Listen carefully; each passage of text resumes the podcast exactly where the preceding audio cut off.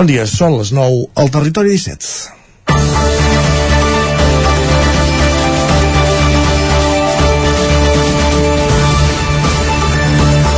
5 de setembre de 2022. Ahir els alumnes de primària van tornar a classe just dos dies després que ho fessin els mestres i demà serà el torn dels de secundari i batxillerat. Des que el Departament d'Educació dirigit per Josep González Cambrai va anunciar aquesta data s'han viscut mesos de tensió amb els sindicats d'ensenyament, mestres i professors, entre els quals va haver-hi 5 jornades de vaga amb major o menor seguiment. N'hi havia més de convocades per aquest inici de curs, però finalment els sindicats van aturar la mobilització davant el compromís del conseller dimecres de la setmana passada d'incorporar 3.500 docents nous a partir de gener. La portaveu del sindicat USTEC, en la línia de com s'ha posicionat molts mestres a les xarxes socials, Yolanda Segura, admetia que aquesta injecció de docents suposarà un desgavell per reorganitzar horaris, però afegia també que a llarg termini serà una bona notícia. Segura també es mostrava contenta d'haver guanyat la batalla que ha suposat una treva en les diferències amb el departament, que l'avançament del curs escolar es feia amb bones intencions, ningú dubta, que no s'ha fet de la millor manera, a, cap, a cop d'imposició, tampoc. Superat aquest escull, ara el que cal és posar-se a treballar i si s'ha de consolidar el nou horari, fer-ho recollint esmenes i propostes de tota la comunitat educativa. Per començar, per una família, un cop entrat en la rutina laboral i escolar, setembre i octubre, són mesos equivalents i costa d'entendre que hi hagi horaris diferenciats a les escoles. Les mesures, per bones intencions que durin al darrere, s'han de fer amb la lògica que beneficia el major nombre de parts implicades i aquesta vegada no s'ha escoltat massa la veu dels dos principals col·lectius, mestres i famílies. Estarà, estarà bé prendre nota per al futur. Avui és dimarts, 6 de setembre de 2022. Comença el Territori 17 a la sintonia de Ràdio Cardedeu, Ona Codinenca, la veu de Sant Joan, Ràdio Vic, el 9 FM, el 9 TV i els nostres canals de Twitch i YouTube. Territori 17, amb Isaac Moreno i Jordi Sunyer.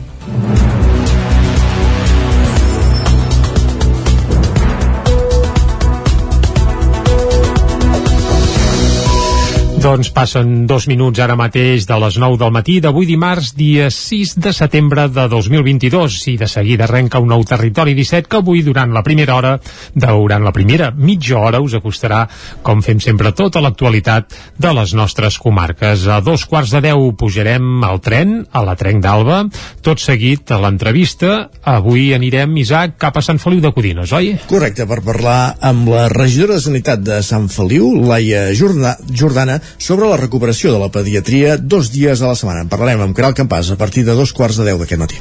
Vinga, cap a tres quarts serà el moment de parlar de meteorologia i medi ambient, com fèiem la temporada passada i un cop al mes, qui ens acompanyarà és el meteoròleg usonenc Manel Dot, amb qui farem balanç del mes que deixem enrere. Avui, evidentment, farem balanç d'aquest estiu, que va començar extremadament sec i que des que va arrencar a principis d'agost, doncs pràcticament cada dia ens ha acompanyat amb algun ruixadet, però la sequera continua. Parlarem parlarem de tot plegat amb Manel Dot.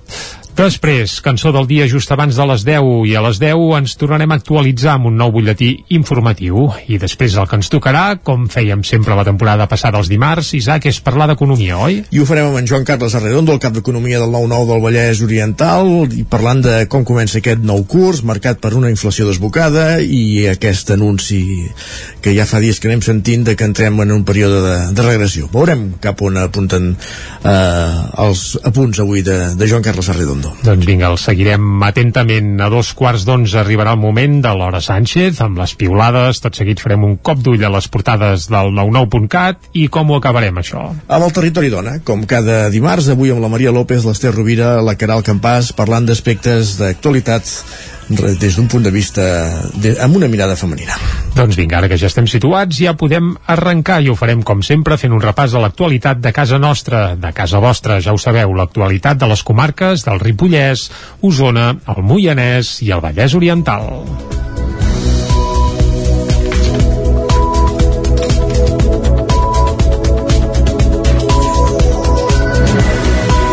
Com ja us avançàvem ahir, un total de 14.972 alumnes d'educació infantil i primària van començar el curs escolar a Osona una setmana abans de l'habitual. El curs arrenca marcat pels canvis, com ara la jornada intensiva al setembre. Ahir vam ser l'escola Vall de Neu de Sant Martí de Centelles per comprovar de primera mà com va anar el retorn a classe. Ah del matí, l'Escola Vall de Neu de Sant Martí de Centelles obria les portes després de gairebé 3 mesos de vacances.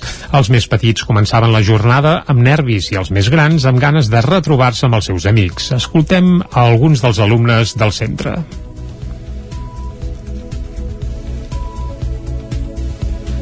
La, la dinàmica de anar a l'escola. Així podem estar, en tornem amb els amics, per, i juguem. Per veure els meus amics i jugar al pati i fer mates.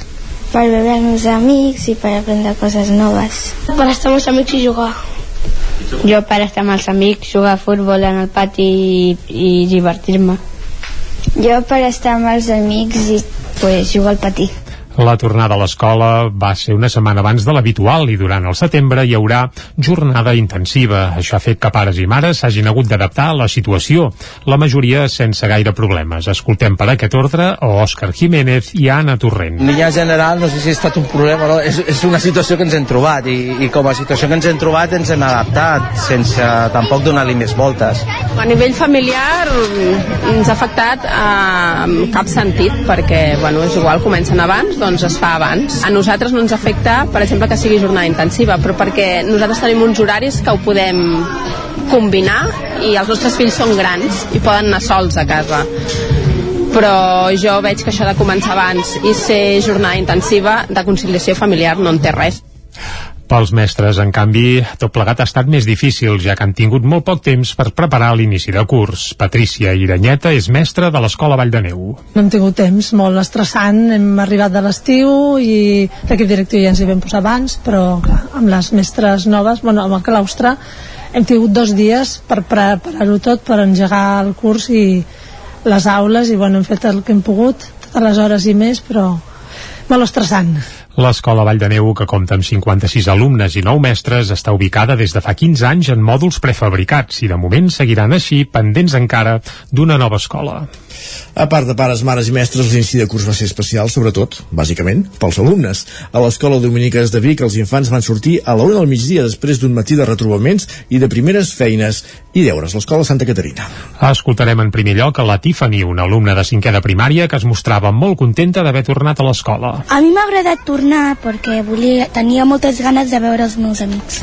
L'Anna també tenia ganes de tornar, però es queixava sobretot de la calor. Tenia ganes de tornar a l'escola, però amb la calor, en plan que siguessi de fred, no de calor, perquè ens morim de calor a la classe, això sí.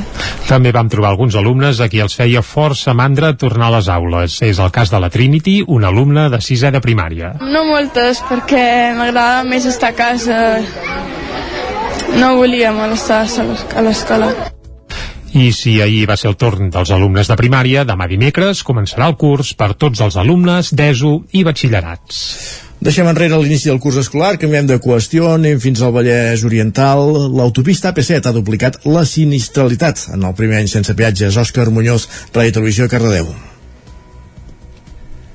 Gràcies a la millora dels indicadors generals a la xarxa viària catalana després del primer any d'alliberament de peatges s'ha permès reduir l'accidentalitat a un 17,3%. Però no totes les vies en surten ben parades. L'autopista AP7 ha augmentat la sinistralitat greu. De fet, ha registrat el doble de víctimes mortals que fa un any, passant de 12 a 25, i també de ferits de gravetat, de 37 a 66. A més, en aquesta autopista s'han duplicat els sinistres mortals amb la implicació de camions, de 7 a 14, tot i que en el conjunt de la xarxa viària catalana hi ha un 4,3 de reducció. Al Vallès Oriental també hi ha una altra via afectada per l'augment de la sinistralitat, tot i que en menor mesura. La C-33 ha duplicat les víctimes mortals passant de 1 a 2 i també de ferits de gravetat, de 2 a 4, segons dades del Servei Català de Trànsit. També han incrementat les retencions provocades per accidents que suposen el 98,2% de les produïdes en el tram nord de la Junquera a Parets. El Servei Català de Trànsit ha demanat al Ministeri de Transport de Mobilitat i Agenda Urbana reduir el límit de velocitat fins a 100 km per hora en 10 trams amb concentracions d'accidents mortals i greus, un dels quals entre Mollet i Sant Cugat. La mesura suma a la proposta ja anunciada per Trànsit anteriorment per reduir la velocitat de 120 a 110 a les autopistes alliberades de peatges, com són l'AP7, la C32, la C33 i la P2. L'aparcament de Can Carreres a Ripoll oferirà 30 places al centre de la vila i estarà a punt en dues setmanes. Isaac Muntades, la veu de Sant Joan. El passat 25 d'agost van començar les obres d'arranjament del nou espai d'aparcament situat a la part posterior del monestir de Ripoll, concretament a la finca de Can Carreres, que té el seu punt d'entrada a l'Avinguda Comte Guifré. Uns treballs que estaran acabats en dues setmanes, segons va explicar el regidor i cap de l'àrea de serveis al territori de l'Ajuntament de Ripoll, Joaquim Colomer, tot i que en principi estava previst acabar-los aquest dilluns. La primera fase de l'actuació va consistir en el desbrossament de la zona i tot seguit es va arranjar el terreny. La intenció era crear unes 30 places d'aparcament al centre de la vila, superant les que hi havia actualment, però sobretot es volia endreçar la zona. I abans hi havia, diguem un caos o un desordre, no?, amb les places d'aparcament. Ara el que també intentem nosaltres és regular-les i donant, doncs, també una seguretat amb els veïns i veïnes de la zona en quant a les seves entrades i sortides de garatge, doncs que no es veguin perjudicades com s'havien vist a vegades anteriorment amb l'aparcament de cotxes, doncs allò on no tocava, entrant justos, etc etc. Mentre durant les obres no s'hi pot aparcar i només es pot accedir als garatges de la zona. Cal recordar que aquesta parcel·la de 1.266 metres quadrats, el POM la va considerar com un polígon d'actuació l'any 2007 i l'Ajuntament de Ripoll la va adquirir per un preu de 72.200 euros, que el consistori haurà de pagar en les pròximes tres anualitats, 24.700 euros en guany i 24.000 els dos següents. A més, aquí s'hi han d'afegir els diners per fer aquesta actuació. El cost de les obres, en principi, està valorat amb uns 7.000 euros, però ens pujarà alguna cosa menys perquè doncs, hi farem algunes millores instal·larem doncs, alguns elements d'il·luminació, posarem també, eh, farem un petit moviment de terres per la millor evacuació de l'aigua. El terra de l'aparcament serà de sauló i s'hi podrà aparcar de forma gratuïta. A més, estarà al voltant del centre històric de la vila per poder anar a comprar, gaudir de la cultura i del patrimoni de manera més accessible. Gràcies, Isaac, del Ripollès cap al Lluçanès, perquè Olòs projecta un nou pou per millorar la captació d'aigua del municipi. De moment ja s'ha licitat la fase per fer les prospeccions. En un context marcat per la sequera i amb la previsió que aquest escenari es repeteixi en el futur, la planificació i les actuacions de les institucions públiques per intentar garantir un bon servei d'aigua és clau i això és el que busca Olost amb el projecte que ha tret a licitació per un import de 109.911 euros aquest agost i que amb dues fases té com a objectiu final la construcció d'un nou pou de captació que permeti al municipi ser autosuficient. Actualment Olost rep aigua de dues captacions, d'una banda de la Riera Gavarresa, després de ser emmagatzemada al pantà de Reixac és impulsada cap a l'estació de tractament d'aigua potable, on es mescla amb la que ja arriba tractada dels pous de Vilaseca, situats a Sant Bartomeu del Grau, que és també un punt de captació de set altres municipis del Lluçanès. Amb l'objectiu de disposar de més quantitat, qualitat i que sigui de proximitat, els estudis hidrològics fets el 2020 van detectar una zona compatible amb la construcció d'un nou pou. En aquesta primera fase es faran les prospeccions per veure en quina cota es troba l'aigua i en cas que sigui factible es començaria la construcció del pou de cara a principis del 2023. Olós també té pendent la construcció d'un nou dipòsit de capçalera per emmagatzemar l'aigua abans de la seva entrada a la xarxa. Aquest projecte, que s'ha de tornar a licitar en breu perquè va quedar desert, contempla la construcció d'un dipòsit de 750 metres cúbics d'aigua que complementarà l'actual, que és de 500. I Sant Feliu de Codines recupera la festa major amb, un total, amb total normalitat del 15 al 18 de setembre. Ona Codinenca, Caral Campàs. La comissió de festes, formada per un grup de voluntaris codinencs, treballen des del febrer per preparar aquesta celebració tan esperada. A banda de recuperar totes les activitats habituals amb normalitat, una de les novetats és la festa per adolescents, que celebrarà dissabte a la Carpa Jove i el torneig FIFA i de futbolí organitzat pel Casal de Joves. Sobretot, a la franja dels adolescents corresponia a un tram d'edat que fins ara havia quedat oblidat dins el programa de Festa Major. Sentim Montse Aguadé, regidora i presidenta de la Comissió de Festes i com a novetat doncs una festa que fem per menors d'edat no? aquesta edat per adolescents que estan, no, no són ni petits ni grans no? i estaven com una miqueta que no, no sabies, no, no trobaven el seu lloc doncs dissabte a la Carpa Jove tindran una discoteca sense alcohol per ells Aguadé també ha volgut remarcar la importància del punt lila que s'ubicarà al centre cívic totes les nits de festa major. Amb el suport de la Diputació de Barcelona, l'Ajuntament de Sant Feliu compta amb un grup de persones especialitzat que es responsabilitzarà de les tasques d'aquest punt de suport contra les agressions masclistes. Doncs mira, el punt lila és superimportant, estarà divendres i dissabte per les nits, estarà ubicat al centre cívic i serà un punt d'informació, prevenció i acompanyament davant de possibles agressions sexistes, no? Qualsevol persona que es senti que ha sigut assetjada o alguna persona que hagi detectat en una altra situació que, a una altra persona, doncs podran anar allà a demanar informació, consells o ajuda, qualsevol tipus de, de cosa. El punt final de la festa major el posarà el sopar de botifarra organitzat per l'agrupament Escolta Macalo i el Piro Musical, dues activitats que també havien deixat de fer per la pandèmia. Més qüestions. Tornem a Osona, Centelles, concretament la pintora i escultora Eulàlia Llopart. S'ha convertit en la primera dona centellenca que guanya el primer Premi Centelles de Pintura en els 80 anys d'història d'aquest certamen artístic. Una edició que per primera vegada va comptar amb un jurat format íntegrament per dones. Llopart hi va presentar Matriu, una obra amb un doble significat, que s'inscriu en el context d'obres que l'artista ha estat treballant en els últims anys. Eulàlia Llopart és la primera artista local que guanya en 80 anys el Premi Centelles de Pintura, un dels certàmens certàmens artístics més antics de Catalunya. El lliurament del premi va tenir lloc aquest diumenge al Centre d'Art del Marçó Vell, en el marc dels actes de la Festa Major. L'obra de Llopart va ser seleccionada d'entre les 78 que van arribar a la fase final del certamen i va comptar amb el vistiplau d'un jurat format per primera vegada únicament per dones. Sobre una fusta de gran format entintada de vermell, Llopart hi ha presentat Matriu, una obra que té dos sentits. Ens els explica ella mateixa.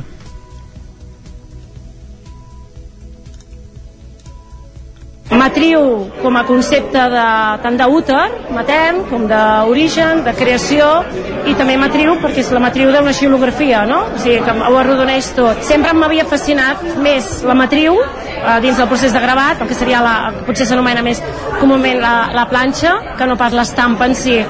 I dins de l'evolució que he anat fent, moltes vegades hi havia anat incorporant dins de la mateixa obra la matriu. I aquestes últimes que he anat desenvolupant la matriu per si sola ja passa a ser com l'obra pictòrica final. El seu discurs d'agraïment, Llopart va reivindicar la importància de l'art en el creixement de les persones. Hores abans de l'inici del curs escolar, l'autora lamentava que amb el pas dels anys hagin anat disminuint les hores lectives dedicades a l'art. L'escoltem. Cal una revisió urgent tant a nivell des de l'escola, d'ampliar hores d'assignatures artístiques i música, perquè això facilita el creixement de les persones, el coneixement del món, entendre el que ens passa, també facilita que hi hagi més empatia. El podi del Guardó, dotat amb 4.000 euros, el van completar Sergi Rocafort, del País Valencià, i Cecília Morales, de Sant Andreu de Llavaneres. Les obres premiades es podran veure al Marçó Vell de Centelles fins al proper dia 12 d'octubre. Acabem aquí aquest repàs informatiu que hem fet des de les 9 en companyia de Jordi Sunyer, Isaac Muntades, Òscar Muñoz i Caral Campàs. Moment tot seguit de conèixer el territori 17, la previsió del temps. Per tant, és moment de saludar en Pep Acosta. Tornem a una codinenca.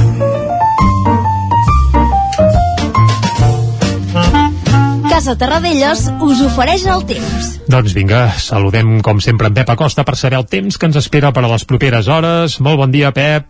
Hola, molt bon dia. I molt bona hora. Benvinguts a l'Espai del Temps. Gràcies. Què tal esteu? Bé, Espero bé. que bé. I tant. Va avançar la setmana, va avançant també el mes de setembre, i de moment no se'n van la calor, no se'n va la humitat, eh, no se baixa fogó, i tampoc les temperatures mínimes força altes, eh, per sobre dels 20 graus a moltes zones del pretoral del Vallès, eh, entre els 15 i els 20 a la majoria de poblacions d'Osona, del Moianès, també del Vallès, i només per sota dels 15 graus, lògicament, a les zones més altes, a les zones més eh, fredes.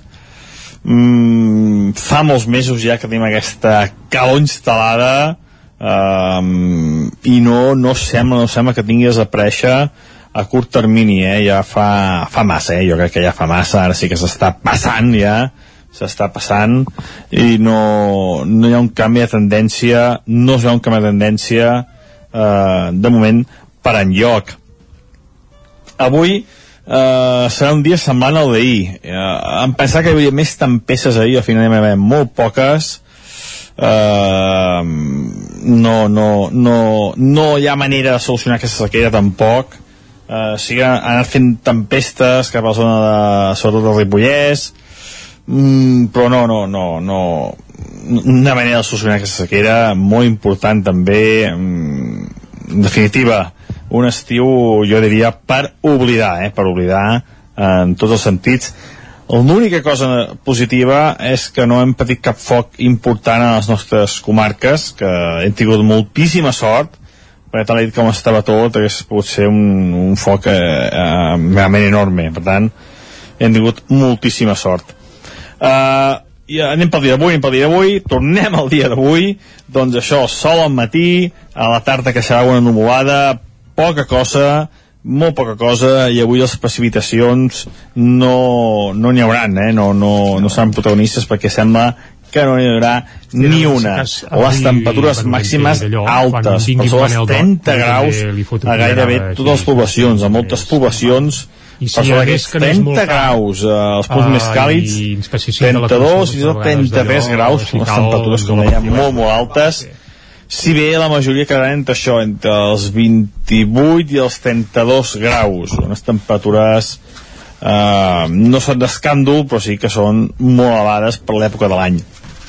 I de cara als pròxims dies, continuar el mateix panorama, no es veu cap gran pertorbació per enlloc, i, i no hi ha una solució la sequera immediata Mm, anirem veient dia per dia però fa molt mala pinta, molt mala pinta moltes gràcies, adeu a tu, mala pinta Sí, uh, sí bé, falta bé, bé, aigua. bé. Falta aigua, falta aigua, Està tot i que aquest agost, déu nhi eh, la que ha caigut, eh? Ho repassarem però- després amb en Manel Dot, però... però portava molts mesos de sequera També és cert. Bé, gairebé anys, podríem dir, eh? Anem cap al quiosc, va. Anem al quiosc, vinga. Casa Tarradellas us ha ofert aquest espai.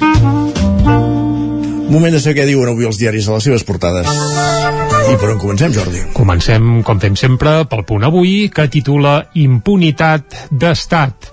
El Ministeri de l'Interior justifica haver infiltrat policies en el sindicat d'estudiants i és que ahir es va conèixer un informe que vincula independentisme i terrorisme tot i que Marlaska, quan li van comentar, es veu que ell no ho veu per enlloc.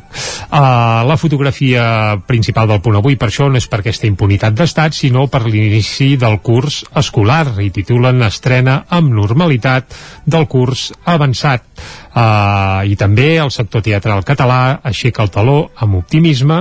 Això també apareix a la portada del punt avui, on guarden un raconet pel president Macron, el president francès, que descarta el MidCat i afirma que no té sentit, així textual. El MidCat és aquesta connexió a través de gas que havia d'unir, en teoria, doncs, Catalunya i França, o l'estat espanyol i França. Doncs de moment, eh, eh, si més no des de França, han descartat aquesta connexió. Anem a l'ara. Titular principal, Marlaska justifica la infiltració policial en l'independentisme. Interior s'empara en la lluita antiterrorista i diu que es vol subvertir l'ordre constitucional textual. També els experts consideren eh, que es vulneren drets fonamentals i s'amenaça el pluralisme polític. La fotografia principal de l'ara no és per l'inici del curs, sinó que és pel Liceu. I és que ahir es van estrenar aquestes famoses portes que ja ha dissenyat eh, l'escultor Jaume Plensa i apareix doncs ell mateix amb les portes així de ser amb unes lletres tot curioses doncs al darrere. També a la portada de l'ara Macron enterra la connexió a través del MidCat i el curs arrenca amb dubtes sobre les tardes i apunten a l'ara que les àrees rurals pateixen escassetat de monitors. I també en un raconet, Tras guanya la cursa per rellevar Johnson, la nova Premier britànica promet menys impostos. Això ho va fer ahir en la seva, entre cometes, posada de llarg. Anem cap al periòdico, si et sembla, Isaac, i comencem pel primer titular, que és la Generalitat exprem les tres xamaneies amb mini pisos. Uh, les tres xamaneies són aquell, uh, aquell invent que hi ha a la, a la desembocadura del riu Besòs, que suposo que et sona, que us sona a tots plegats, la gent que ens veu des de casa també, doncs hi ha un pla urbanístic nou a la desembocadura del Besòs que salvaria aquestes tres xamaneies i uh, hi hauria habitatge uh, això, al peu d'aquestes tres xamaneies. La fotografia principal pel periòdico és pel teatre que aixeca el taló. Ahir es va fer una gala uh, doncs això, uh, per hi donar Molt el musical, tret d'inici a, la, a la temporada teatral i musical arreu del Principat, sobretot a Barcelona, i al periòdico també hi veiem doncs, uh, la substituta de Boris Johnson. Bé, Quedem-nos amb el nom, va. Repeteix-lo.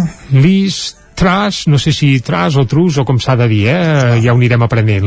Truss, un aspirant a Thatcher pel govern britànic. Això és el que titulen al periòdico. I anem a l'avantguàrdia. Catalunya paga un 45% de l'impost de patrimoni que recapta a l'estat espanyol. Per tant, aviat és dit, eh?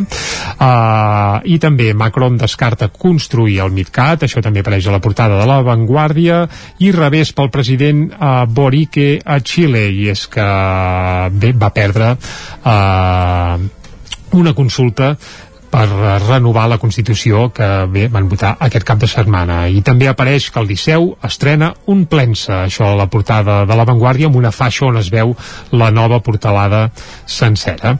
Anem ara cap a la premsa que s'edita des de Madrid i si et sembla comencem pel país i el titular principal és obrim cometes. M'oposo a que el Tribunal General del Poder Judicial es declari en rebel·lia. Qui diu això és l'ESMES davant la maniobra que bé, que sembla que s'està fent per bloquejar el Tribunal Constitucional. La mala peça al taler al Poder Judicial espanyol, eh?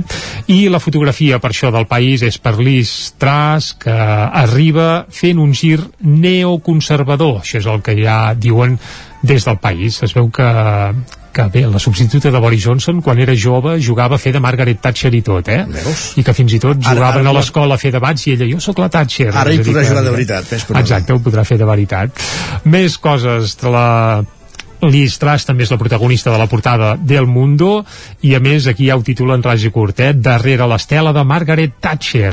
Al Mundo també hi apareix l'ESMES que avisa els vocals que impedirà boicots, boicots ho entre cometes, al ple del Consell General del Poder Judicial, això a la portada del Mundo i més portades des de Madrid, a l'ABC, que sempre és divertit, també apareix Liz Truss i diuen una deixeble de Thatcher per calmar el partit i el Regne Unit. Aquest és el titular principal que apareix a l'ABC, on també parlen de l'alça de preu de l'energia i la falta de matèries primeres provoquen tancaments i aturades a la indústria.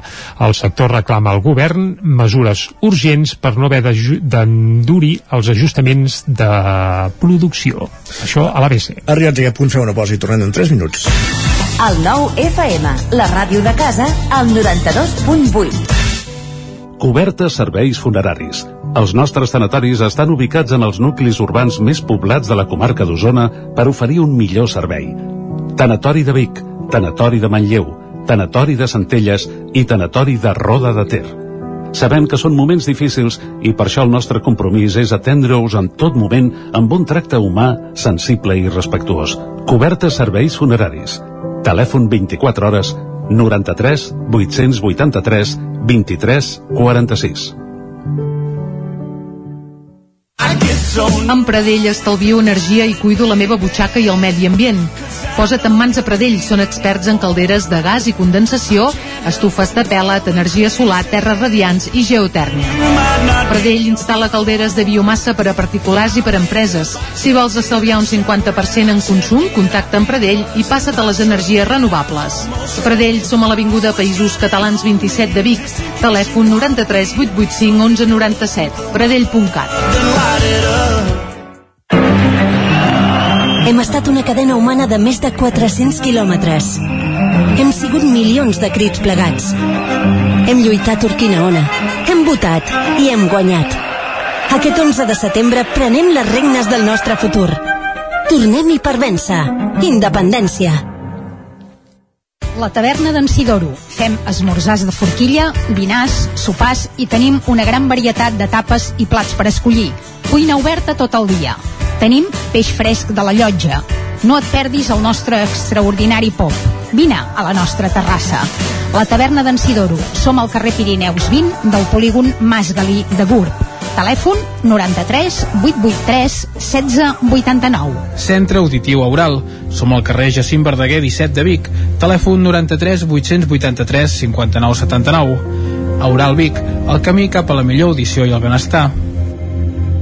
Anuncia't al 9FM. La màquina de casa. 9 3 8 8 9 4 9 4 9. Publicitat arroba al 9FM.cat. Anuncia't al 9FM. La publicitat més eficaç. Cocodril Club. Si t'agrada la bona música dels anys 60, 70 i 80, escolta el 9 FM als matins de dissabtes i diumenges d'11 a 1. És el temps del Cocodril Club, tot un clàssic de la ràdio, amb les bases del pop-rock, les llegendes, les cançons que s'han convertit en autèntics himnes. Recorda, dissabtes i diumenges al matí, d'11 a 1, al 9 FM 92.8. Cocodril Club. El programa revival de l'Albert Malla. Hasta luego, cocodrilo. El 9 FM, el 9 FM, el 9 FM, el 9 FM, el 9 FM. Territori 17 A Tren d'Alba. Cada dia els usuaris de la línia R3 de Rodalies que veuen sortir el sol des d'un vagó ens expliquen les gràcies i les penes del primer comboi que uneix Ripoll i Barcelona. Benvinguts a Tren d'Alba. Doncs bé, avui comprovarem la satisfacció que ha comportat l'abonament gratuït per viatjar amb els trens de Renfe entre els usuaris. Per exemple, ahir el periodista ripollès Arnau Urgell deia que el feia patir el terme gratis, ja que Renfe pot deixar de tenir l'estímul d'intentar ser puntual per no tornar bitllets. En tot cas, en el viatge al matí va poder anar amb un tren còmode i el retard només va ser de 5 minuts. Al vespre, els seients del tren eren durs i tot i sortir 12 minuts tard, el retard només va ser de 5 minuts. En total, 4 hores i 3 minuts per fer 200 quilòmetres quilòmetres. Podria anar més ràpid, certament. Va, veurem què ens explica en Jordi Valls a la crònica d'avui. Bon dia, sóc en Jordi de Centelles. Aquest estiu, com molts i moltes, vam pensar en viatjar i vam anar a Bilbao. Dormíem a Getxo i allà hi ha un servei ferroviari que seria similar a ferrocarrils, tot i que li diuen Metro Bilbao, però perquè ens ho imaginem com a ferrocarrils. El millor de tot, el bono. El bono és una targeta molt similar a la nostra famosa i mai arribada T-Mobilitat, que el que fas és carregar saldo. Passes per les màquines i va des descomptar el saldo a l'entrar. I segons a quina estació surtis, descompta més o menys. A més, es pot fer servir per difer diferents persones. O sigui, els tres anàvem la mateixa. No tota la murga de la T casual o la de 10 viatges aquí, que és unipersonal, que si patatim, que si patatam... Una canya. Vam fer servir aquest metro de Bilbao, vam fer servir Renfe quina diferència d'estacions i de servei, ostres, tu, aquí també pillen. Eh, vam fer servir els trens bascos, ostres, molt senzill i fàcil de fer servir, i tothom el feia servir. Os, per què no ho podem fer així nosaltres? Contra més viatges, al final més baratos, més econòmics et surten els bitllets i vas recarregant de tant en tant. Algun dia arribarà la famosa T-mobilitat amb totes les prestacions, que és a tota Catalunya, però algun dia, algun dia algun dia. Res, divertiu-vos molt, passeu-ho bé i bon dimarts. Adéu-siau. Doncs hem de prendre una mica del servei del País Basc i no complicar-nos tant la vida. Suposo que ens agrada el risc i el masoquisme, però bé, si algun dia la Generalitat acaba tenint totes les competències en matèria ferroviària, s'haurà de posar les piles per complir tot el que diu. Va, ens retrobem demà amb més històries del tren i de l'R3. Territori 17 el 9 FM, la veu de Sant Joan, Ona Codinenca, Ràdio Cardedeu, Territori 17. Pràcticament són 3 els minuts que passen de dos quarts de 10. Anem a l'entrevista.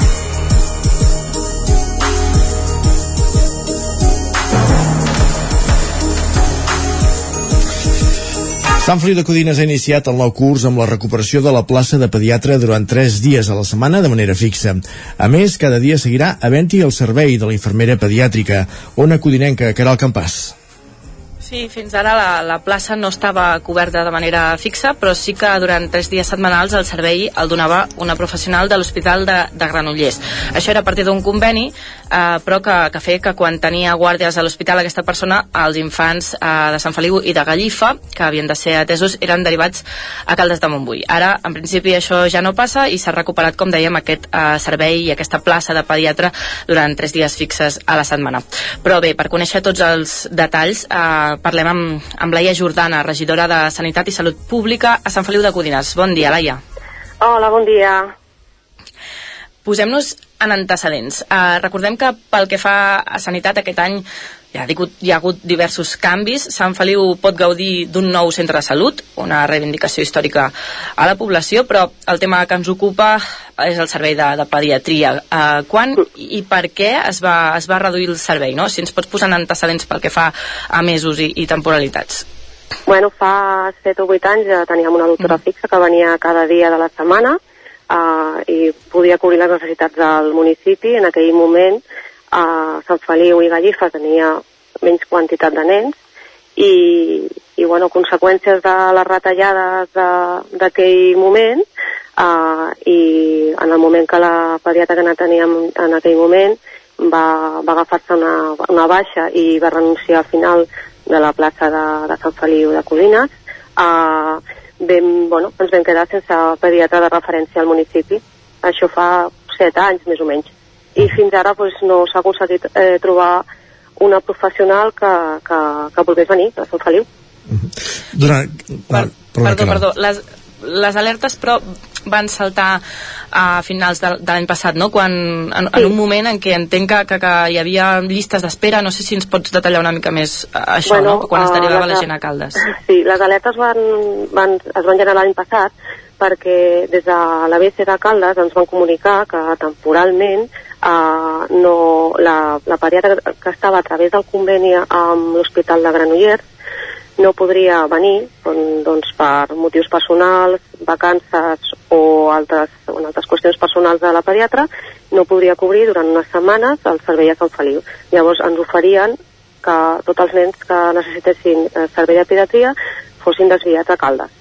Eh, paral·lelament, en aquell moment, eh, també s'agafava la jubilació a l'examena pediàtrica i no sabien en quin moment es cobriria aquesta plaça.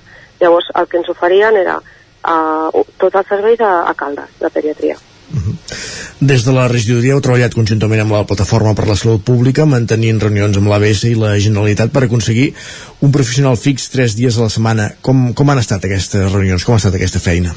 A veure, uh, jo he tingut eh, comunicació des del principi de portar la regidoria a l'ABS de Caldes uh, perquè no només Sant Feliu necessita pediatre, té altres necessitats i a més uh, estaven en el moment de canvi d'edifici. De, eh, llavors, uh, nosaltres ens hem reunit sempre amb tots els interlocutors que han volgut eh, seure, tant des de la Generalitat com des de, des de la ciutadania, a través de la, la plataforma, i, i bueno, uh, sempre hem exigit que Sant Feliu necessita servei de pediatria 5 dies a la setmana, uh, no hem aconseguit el que realment necessita el municipi, però bueno, hem fet un pas endavant eh, bastant, bastant important perquè eh, amb una pediatra fixa de referència les malalties i el seguiment de les malalties és molt més, són molt més fàcils i són molt més acurades.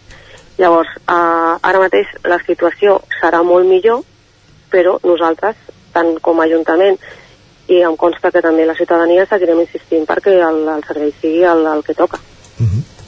Que ara mateix si un infant es troba malament un dia que no hi ha aquest eh, metge fixe, no? un d'aquests un dia que no sigui mm. aquests tres dies que hi ha el metge, eh, què ha de fer o què passa?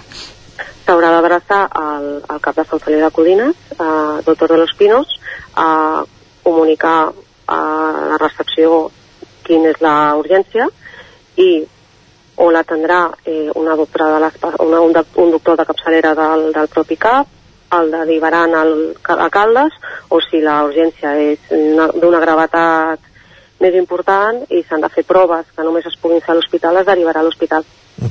De fet, aquest mateix estiu el PSC ha denunciat que la majoria de dies de, dels mesos d'estiu hi hagués un sol pediatre per tots els nens de Caldes, Sant Feliu mm. i Gallifa. Clar, el servei queda molt curt, no?, per, pels tres mm. municipis. Sí, l'únic que ens han al·legat des de l'ABC de Caldes i també des del departament que al, a l'estiu l'afluència de famílies i de nens als centres de primària baixa, estadísticament baixa. El que passa que eh, la reflexió és encara que hi hagi un nen a atendre perquè eh, es posi malalt, eh, se l'ha d'atendre. La necessitat d'aquell nen perquè les estadístiques diguin que baixa la quantitat de, i la necessitat general no implica que, que no obtinguem el servei. Uh -huh. Durant, i, i seguint aquesta línia, eh, durant tot el mes d'agost i des de fa uns anys, eh, Salut també ha decidit tancar el centre de salut a les tardes. Eh, és una qüestió que ha estat eh, criticada. Um, no sé si, si també veieu possible, mm, a través d'aquest treball que aneu fent i de reunions, doncs, poder revertir a, això. A veure, és una estratègia que el Departament de Salut té al tot el territori. Tanquen molts ambulatoris i centres d'atenció primària perquè estadísticament els hi surt més a compte que el màxim de professionals facin les vacances en, en les èpoques en què hi ha menys afluència. Vale?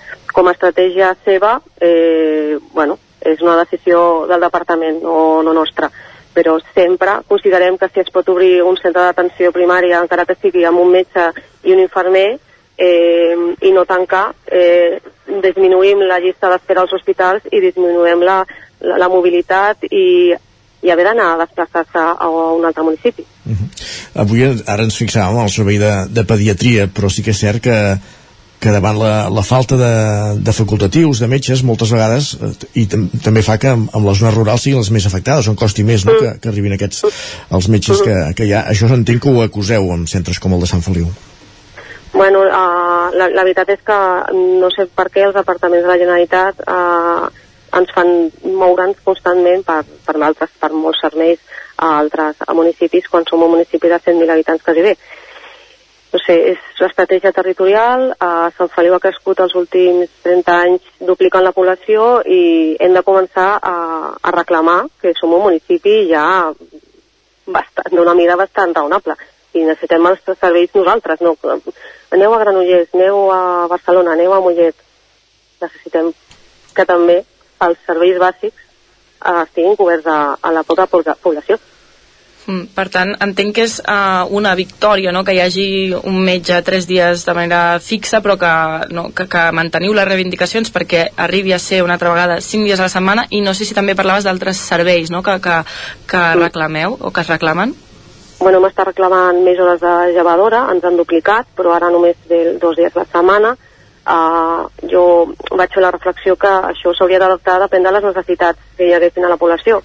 Uh, si tant miren estadístiques, doncs que mirin si realment, o sigui, totes les dones, si, que mirin realment quanta gent pot necessitar aquest servei, perquè ells uh, acaben dient, bueno, tantes dones embarassades, no, bueno, però anar a la llevadora també pots no estar embarassada i pots anar amb altres edats, no? És un assessorament que et donen i un servei que et donen que, que ara mateix ens estan enviant a Mollet, a la, a la CIR. Eh, mm, especialització dels professionals de, de, dels metges de capçalera de, del CAP perquè tenim molts, molts avis, tenim molta gent, gent gran al municipi, tenim quasi 700, 700 i algun persones llavors no, no tenen les mateixes necessitats que els nens. Eh, necessitem, no sé, eh, altres tipus de serveis més propers, eh, una visita de dentista, per exemple, una primera visita de, de dentista, una primera visita d'oftalmòleg. Eh, és que al final tot està a hospitals, llistes d'espera 2025. O sigui, t'estan donant visites d'especialistes 2025. I suposo que això fa que la gent s'acabi fent una mútua i buscant els serveis en altres, en altres, en altres llocs. Uh -huh. Si tothom agafa mútua, tothom acabarà deixant la, la, la, la, la, la, la, serveis, la, la públic, mm -hmm. pública. No, no sé si és el que volen, eh? potser sí, però no és el que volem als municipis. Està clar. Laia Jordana, regidora de, de Sanitat de Sant Feliu de, de Codines, eh, regidora en aquest cas de, del grup socialista de, del PSC. Gràcies per atendre'ns avui al Territori 17. Moltes gràcies a vosaltres. Bon dia. Bon dia. Gràcies també, Caral, per acompanyar-nos un, un dia més a, a l'entrevista. Parlem d'aquí una estona. Fins després. Avancem al Territori 17. Ens eh, parlem tot seguit de Meteorologia i Medi Ambient i ho farem com cada dia, com cada dimarts un cop al mes amb Manel Dot de la xarxa d'observadors meteorològics de la comarca d'Osona.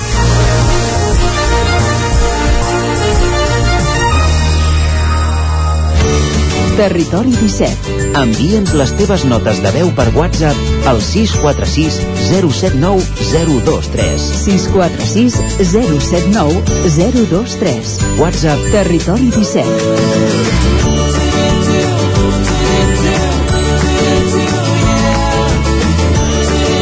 Territori 17. Som a Facebook, Twitter i Instagram amb l'usuari Territori 17.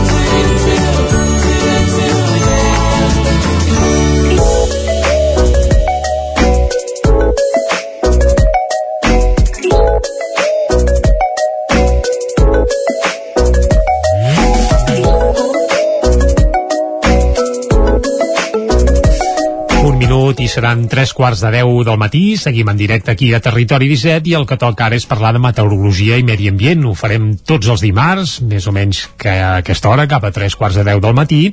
I de manera similar a com fèiem l'any passat, dedicarem sempre el primer dimarts de cada mes a fer balanç meteorològic del mes que deixem enrere. Això ho farem acompanyats del meteoròleg Manel Dot i bé, eh, és evident que per arrencar avui aquesta primera secció, la primera secció de la temporada hem de parlar d'aquest estiu que deixem enrere.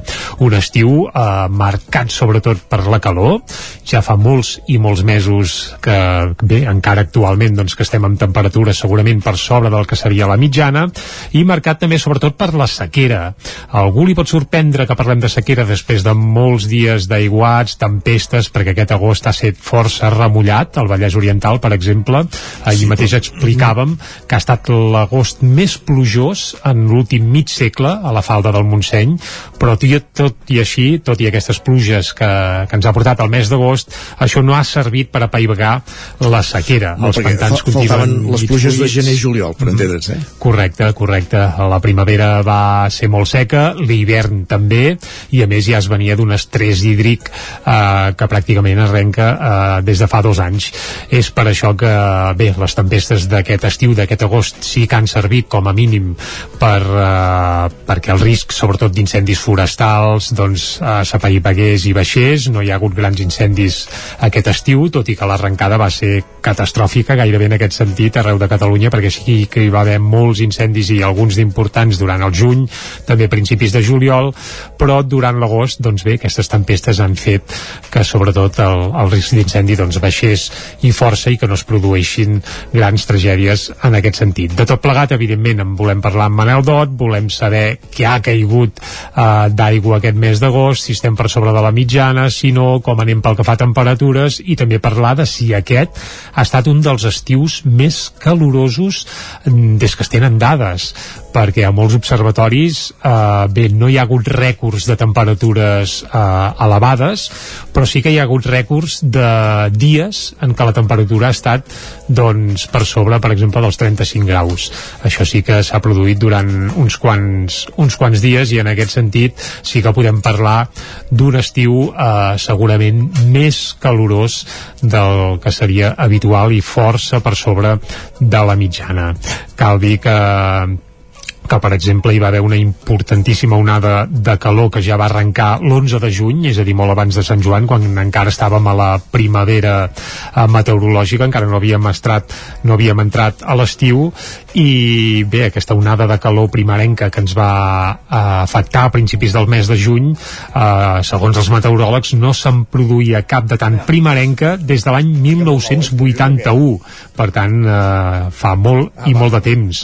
La segona onada de calor doncs va durar pràcticament 18 dies, eh, va arrencar a finals de juny i es va estendre fins ben entrat al juliol i això pràcticament va durar això uns 18 dies. Per tant, eh, diguem que hem patit aquest, eh, aquesta primavera-estiu un parell d'onades de calor molt i molt importants i a més a més també s'ha donat un altre fet eh, que segurament ha contribuït a que les tempestes que hi ha hagut aquest estiu siguin més importants que altres vegades i és l'escalfament de l'aigua del mar.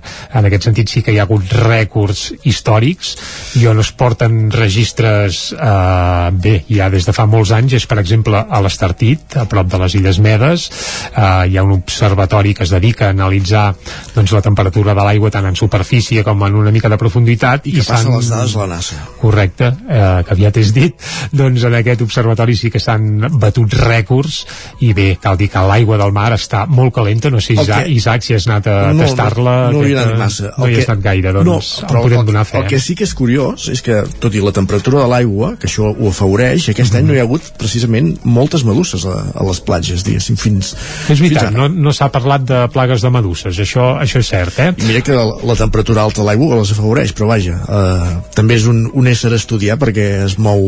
Sí, això... És bastant imprevisible. Algun dia haurem de parlar de meduses, però avui no parlarem de meduses amb en Manel Dot, que ja el tenim ara aquí entrant a l'estudi, i aquí saludarem i li desitjarem un...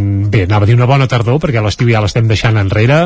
Manel, molt bon dia i benvingut de nou a Territori 17. A tu cas unes bones vacances, que s'ho acabi. Ah, bé, bé, bé bones vacances, bon, bon, dia, bon dia a tothom. Bon de tot i bon dia. Uh, Manel, estàvem parlant de l'estiu que deixem enrere. Sí. Per molta gent, un dels estius més càlids uh, des que es tenen dades. Això és cert, o, és cert o no? Amb els números sí, sí. dels dits? Uh... Sí, sí, amb els números dels dits. Eh, mirat els més, dels més antics, per exemple, el que és de Prats de Lluçanès o, o Quívic també, i ha estat doncs l'estiu mirant la mitjana de temperatures l'estiu mm. més càlid Clar, això ho dèiem ara també, no hi ha hagut rècords de temperatures altes, altres estius eh, s'han registrat temperatures més altes de les que hem viscut eh, doncs aquest juliol i, sobre, i també aquest agost, mm. però mai hi havia hagut una mitjana tan alta, oi?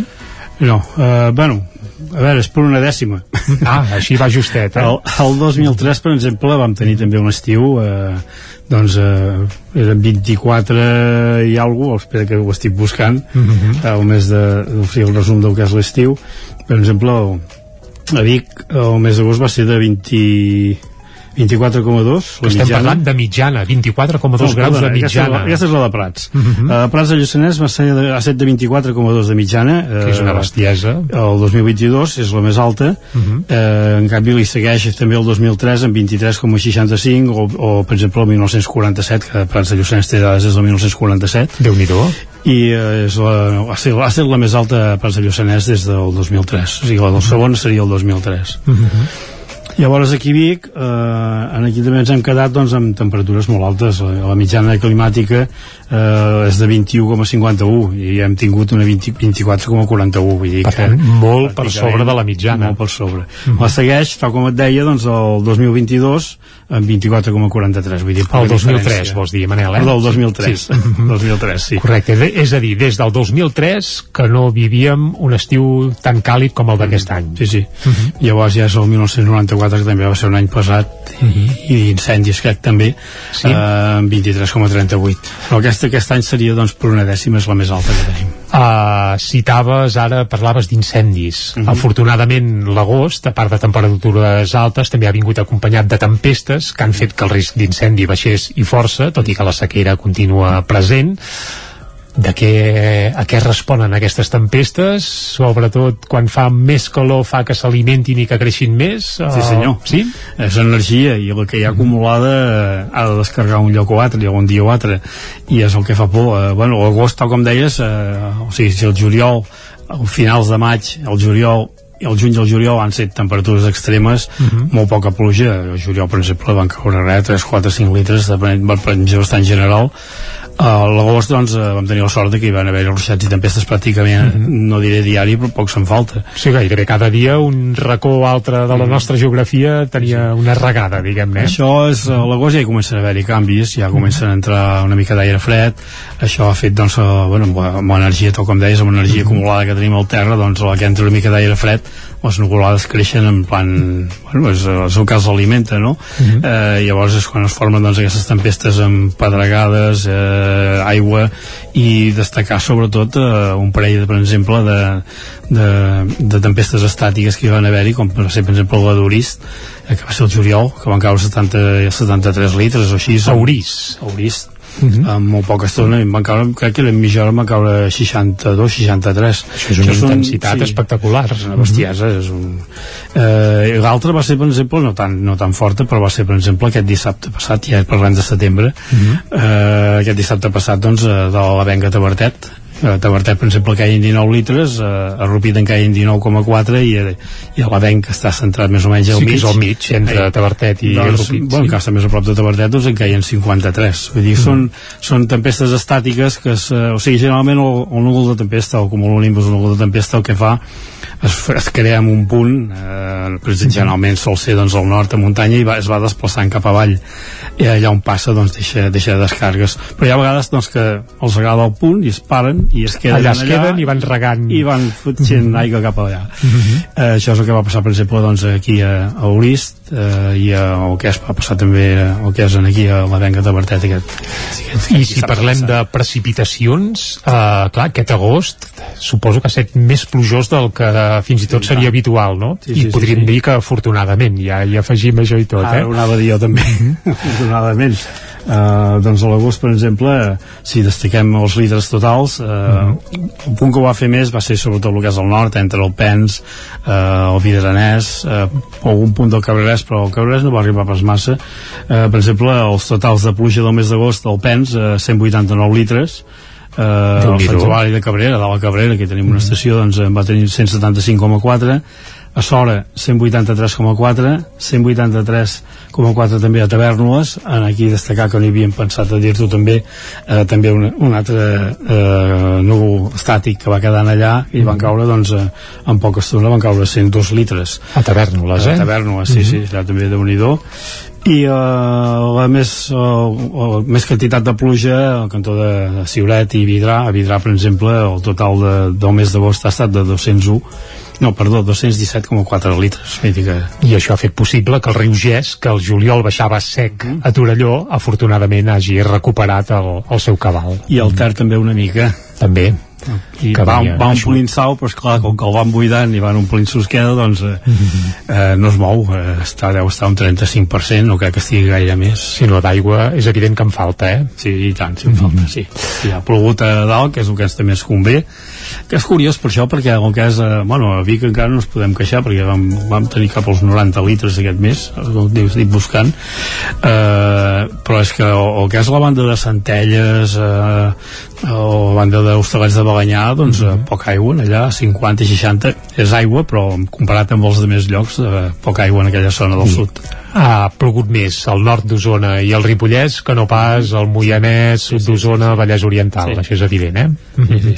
I deixa'm fer-te un altre punt i una altra pregunta. Es parla molt de l'avançament de l'estiu. És a dir, cada vegada la calor arriba abans i cada vegada sembla que també la tardor arriba abans, és a dir, el mes d'agost que era un mes de vacances, relaxat amb sol, les tempestes apareixen abans de la mateixa manera que l'estiu i les temperatures altes que venien per Sant Joan, doncs ara a vegades ja arriben a, al mes de maig. Això, les dades i els meteoròlegs que esteu al peu del canó, eh, científicament s'aguanta aquesta hipòtesi que l'estiu cada vegada s'avança més o no? Uh, s'hauria de mirar, s'hauria de mirar. Uh, la veritat és que no he fet el repàs, per exemple, les dades que tenim aquí a la comarca, el que sí, aquest any sí que ho ha fet, aquest mm. any està molt clar, perquè va començar a finals de maig amb temperatures de 35 graus eh, i crec que va ser rècord i, uh, i aquest any doncs per exemple el que és, bueno, de fet el que és l'agost que em parlaves de l'agost mm -hmm. a l'agost la segona quinzena sempre era de, era de tempestes de ruixats sí, ja deien que a partir de la mar de Déu d'agost i, i que quan feia un ruixadet ja a la nit ja es podia dormir bé això sí que era un clàssic i ja començava a baixar temperatures sí. mm -hmm. i al setembre ja era o sigui, el normal, no? més mhm. moderat, mm -hmm. més ruixats, temperatures ja baixant ara últimament, doncs al setembre per exemple, eh, sí que les temperatures són més altes del que, del que tocaria Uh -huh. eh, a l'agost s'ha adelantat aquest any els altres anys jo que sàpiga és més, hauria de, fer, hauria de fer un repàs m'has enganxat així que no, he, no ho he mirat tot porto bastant datos però no ho he mirat però poder sí que el que s'adalanta eh, l'estiu s'adalanta uh -huh. bueno sí, i fa poder eh, les estacions que hi havia abans de, de tardor, estiu, hivern sobretot el que és eh, tardor i estiu no és exactament com era abans eh? abans mm. era, feia més, es notava més al, al novembre per exemple feia un fred que pelava ara últimament a vegades van amb màniga curta i tot allò que havia a vegades menjant les castanyes amb màniga curta sí. eh, ha, ha canviat, sí que ha canviat ha canviat mm. això i tant uh, t'hem de preguntar també per la famosa pedregada que sobretot va afectar la Bisbal, que ens queda una mica lluny, però pedres d'autèntic rècord, que malauradament van provocar la mort d'un infant i tot, eh, van superar a unes pedres que havien caigut a Torelló fa uns quants anys. Eh, això es pot repetir aquests fenòmens tan extrems i tan bèsties podrien passar per aquí? I tant, Veure sí. pedres de més de 10 centímetres de diàmetre? Aquí va passar, a més a més, l'any 1960, el dia de Santa Anna, que és el 26, no crec? El 26 de juliol, correcte. Doncs eh, una tarda, a les 4 de la tarda, hi ha història i, Mhm. a més a més, a Vic es va declarar zona catastròfica. Ben bé al centre de Vic va fer una pedregada, però bestial. Estil de, la- de la d'aquí, superior a, a la de la Bisbal de l'Empordà. Carai. Eh, segons les dates i segons el, la història que posa, fins i tot, aquestes pedres, eh, les de la Bisbal, per exemple, són, són conglomerats de pedres, són pedres enganxades una, una amb l'altra i cauen blocs, cauen blocs sencers, i aquí Vic, per exemple, han registrat els germans maristes de Vic, que era el que tenien la- l'observatori oficial en aquell moment, doncs eh, van enregistrar eh, blocs de 400 i 500 grams Uh. uh. oficialment Mare de Déu, això és una bestiesa. uh, això va ser molt local però, uh -huh. però hi són, hi són. Uf, doncs bé, esperem que no es repeteixi. No, Mare de Déu, blocs no. de gairebé mig I quilo. les això. pedres com aquestes que havia a la Bisbal també, i tant, hi ha, foto, hi ha alguna fotografia no n'hi ha masses de fotografies però n'hi ha alguna que t'ho ensenya que hi ha pedres com aquestes i, i a més a més el que va passar que va, un cop va aixafar totes les taulades, les claraboies i va aixafar tot doncs el, el total de pluja caiguda aquell dia va ser de 100 litres. Pots imaginar-te un cop tot xafat la, com anava l'aigua déu nhi sort que ens queda lluny i no ens en recordem, però vaja. Millor que no passi. déu nhi déu nhi més. uh, Ja per acabar, Manel, fes-nos una mica de previsió per on poden anar els trets uh, aquest setembre, aquest inici de curs, tant de territori 17 com curs escolar, com curs meteorològic també. En principi, eh, previsions? parlem primer aquesta setmana, ja som setembre, eh, el que és eh, avui i demà, doncs hi ha una treva, eh, sembla que el que és demà passat hi hauria algun ruixat de tarda i el cap de setmana es complica una mica el dissabte. Diumenge no tant, però el dissabte sí que es complica La diada, què tal? Podrem anar tranquils al carrer? Es diu que el millor ho fa aquí i a Manlleu no fa res, allò que dic, dic a vegades. El que és el setembre diuen doncs, que, que tornarà a ser càlid i més plujós del compte, menys mal. Almenys, Ah, bé, això ja, ja està bé. I de cara al que és la... La tardor en general. En general, el que és la costa eh, poden rebre... Home, hi ha un mar molt calent, eh, mm -hmm. abans que en parlàveu, sí. això fa, eh, bueno, ja ha set rècord, per exemple, el que és l'Estartit, eh, el company que ens ho passa, mm -hmm. eh, i mm, amb un mar així calent, doncs el que es pot esperar és de que el tard d'hora els ruixats d'aquests forts eh, eh, que sol passar doncs, entre Tarragona i Alacant, per exemple, doncs, eh, quan toqui estaran. Per tant, a la costa que vagin previnguts, que hi haurà sorpreses i segurament tempestes importants. Millor que no, però tenen tots els números. I no és traïdor. Manel Dot, eh, moltes gràcies per haver passat una vegada més per Territori 17. Esperem d'aquí un mes a fer balanç meteorològic de, del mes de setembre, setembre. que ja haurem deixat enrere.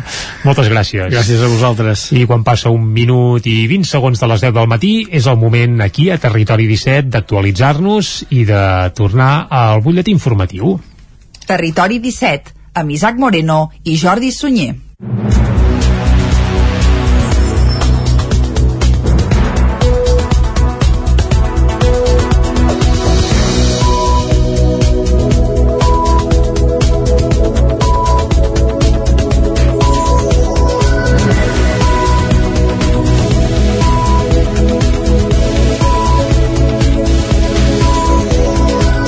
Dos minuts que passen de les 10, un moment d'actualitzar-nos al territori 17. Sant Feliu de Codines recupera la plaça fixa de metge pediatre tres dies a la setmana. Ho explicàvem a l'entrevista. Caral Campà, zona codinenca.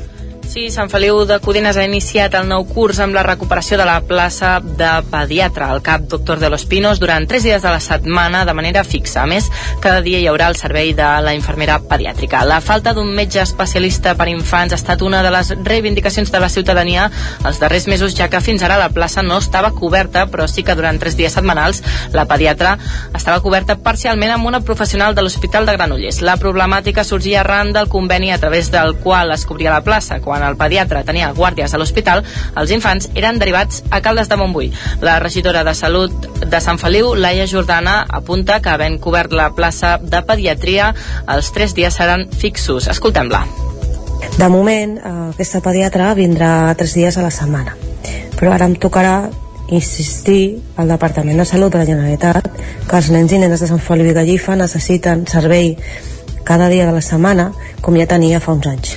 De fet, aquest mateix estiu el PSC va denunciar que la majoria de dies dels mesos d'estiu hi hagués un sol pediatre per tots els nens de Caldes de Montbui, Sant Feliu de Codines i Gallifa. Ho van fer en una roda de premsa al cap de Caldes. Durant tot el mes d'agost, Salut també ha decidit tancar el cap de Sant Feliu de Codines a les tardes, un fet que ha passat en els últims anys i que també ha estat criticat des de diferents esferes. Gràcies, Caral. Més qüestions per començar a preparar les eleccions municipals del maig de l'any vinent. Capgirem Vic va fer dissabte una assemblea oberta al Centre Cívic de Camp Roba que va comptar amb la participació d'una vintena de persones. La primera decisió que s'hi va prendre va ser la de presentar-se als comicis. El que falta per definir és el format i el nom, qüestions que es plantejaran en properes assemblees. Després d'haver-se presentat amb les sigles de la CUP, la marca Capgirem es va adoptar a les eleccions del 2015, amb la voluntat d'ampliar l'espai i també es va mantenir en les eleccions del 2019. Des del grup reconeixen, però, que sempre hi ha hagut obert el debat de si cal recuperar la nomenclatura de la CUP. La trobada de dissabte també va servir per repassar la feina feta i els reptes pendents. Actualment Capgirem és el tercer grup a l'Ajuntament de Vic i té quatre regidors. Un any més, el jaciment de l'esquerda de Roda de Ter ha acabat la campanya d'excavacions de l'estiu amb uns resultats molt satisfactoris. La d'aquest any és la campanya 46, número 46, i ha servit per contrastar que l'esquerda ja estava habitada abans del segle V, abans de Crist. El jaciment arqueològic de l'esquerda de Roda de Ter ja ha tancat la 46a campanya d'excavacions. Aquesta última marca l'inici d'un projecte de 4 anys en què es pretenen recuperar espais en què feia temps que no es treballava. Els arqueòlegs que hi han participat aquest estiu expliquen que s'han fet troballes força inesperades. Anna Morales és la codirectora del sector ibèric de l'esquerda. Aquest any s'està excavant la cara interior de la muralla ibèrica, on s'han trobat unes estructures i uns materials ceràmics que ens la situarien una mica anterior al que sabíem fins ara. Estaríem parlant ja del segle VII, VI abans de Crist. Aquesta fortificació que s'està acabant de polir marcaria un abans i un després al jaciment. La construcció de la muralla indicaria que Roda ciutat, com ho anomenaven els íbers, existiria ja des de força abans del segle V abans de Crist, com es pensava fins ara, i donaria llum a un període preibèric que no es coneix tant. Anna Morales. Tenim una ocupació anterior al període ibèric que teníem ja molt ben documentat, que també teníem documentat una mica aquesta fase del bronze final, primer ferro, però molt, molt breu. Llavors, trobar aquesta cara interna, trobar aquestes estructures, aquest material, ens amplia el coneixement sobre el poblat anterior del període ibèric o ens va una mica més, més enllà cronològicament. Durant la campanya d'aquest estiu també s'han trobat objectes molt curiosos al poblat medieval, ho explica Esther Travé, codirectora de les excavacions a l'esquerda. Bé, en aquest espai hi hem trobat alguns elements metàl·lics, elements eh, relacionats amb mobiliari, grapes de ferro, per exemple, amb algunes petites plaquetes de bronze, poder relacionades amb, amb, amb tots aquests elements una mica més eh, de classe privilegiada. Eh, en aquesta habitació, en concret, la que hi ha darrere meu, eh, hi hem trobat un llum d'oli eh, en una de les cantonades, un, un, un llum de tres, de tres espelmes, diguem-ne, eh, penjat del sostre. Durant els últims anys, totes les campanyes d'excavació a l'esquerda han estat formades, a més dels directors d'excavació, per practicants de la Universitat de Barcelona i altres estudiants voluntaris que venen a donar un cop de mà durant l'estiu. Tot i els avanços que s'han pogut fer aquest estiu a l'esquerda encara hi ha feina per anys. Al jaciment sempre hi ha racons nous per descobrir. Roger Torner guanya la primera edició del Corral, al concurs musical de Ripoll. Isaac Muntades, la veu de Sant Joan. Aquest dissabte les places del centre de Ripoll es van omplir de música amb la primera edició del Corral, un concurs concurs de música al carrer impulsat per la cantautora ripollesa Marina Prat, que va comptar amb la participació d'una desena d'artistes que es van poder escoltar des de bon matí fins a la nit per diferents espais cèntrics de Ripoll. Una proposta que va acabar amb un concert a dos quarts d'onze de la nit de Madame Mustache a la plaça Abat Oliva i amb l'entrega de premis als tres guanyadors del Corral. I és que el vencedor es va endur 1.000 euros en metàl·lic, el segon classificat 700 i el tercer 300. La victòria va ser pel cantautor terrassenc Roger Torner, que va ser escollit el millor cantant per un jurat de luxe conformat per la cantant de Pastora Dolo Bertran, Francesc Rivera, més conegut com Antitot de Brams, un representant de la revista Enderroc, i Lluís Casals de l'Escola de Música del Ripollès. L'organitzadora i ideòloga del concurs, Marina Prat, donava més detalls del vencedor. I el primer premi se'l va endur el Roger Torner, que era un format així una miqueta més despulladet, més senzill, cantautor, té unes lletres molt boniques, molt bé, molt bé també. I res, que aquest nano és, és curiós perquè s'està presentant a molts concursos i els està guanyant tots. És una passada, està en ratxa. Prat també estava molt contenta perquè la segona classificada era una cantautora ripollesa de Camprodon. El segon premi va ser per la Virginia Zaldívar, que molt contenta també perquè és de la comarca, no?, de Camprodon, i també està xulo, no?, que un dels premis sigui per algú de la comarca i a més a més també que sigui en femení, no?, que sigui, que sigui una noia. La Virginia té un directe espectacular, al meu, al meu entendre, té un molt bon directe, té, té molta presència, sempre, sempre fa una mica de show, i a més a més també et dic, sí, s'ho va currar molt, portar una, una màquina de fum i tot. El tercer classificat va ser el barceloní Enriquez, que presentava una proposta en solitari tocant baix i oferint algunes primícies. Entre els participants al concurs també hi havia el cantant i poeta Sant Joaní Ferran Capdevila, més conegut com a Nudrama, Mater, Lucas Dalman, Dàlia Duran, Roger, Collí i Mireia Vilalta. Prat va valorar molt positivament el concurs i ja parla de fer-ne una segona edició. En aquest primer corral, la pluja només va aparèixer a primera hora del matí i ja no va tornar en la resta de la jornada. I més concursos de caire musical, perquè ja s'han obert les inscripcions de la tercera edició de l'Objectiu PAC i el primer concurs de talents en català per a joves promogut per Ràdio Televisió Cardedeu i la xarxa i que aquest any implica la resta de televisions de locals de Catalunya. Òscar Muñoz, des de Ràdio Televisió Cardedeu. El talent show d'Objectiu Paqui obre les inscripcions per la tercera temporada per tots els joves qui s'hi vulguin inscriure d'entre 13 i 20 anys.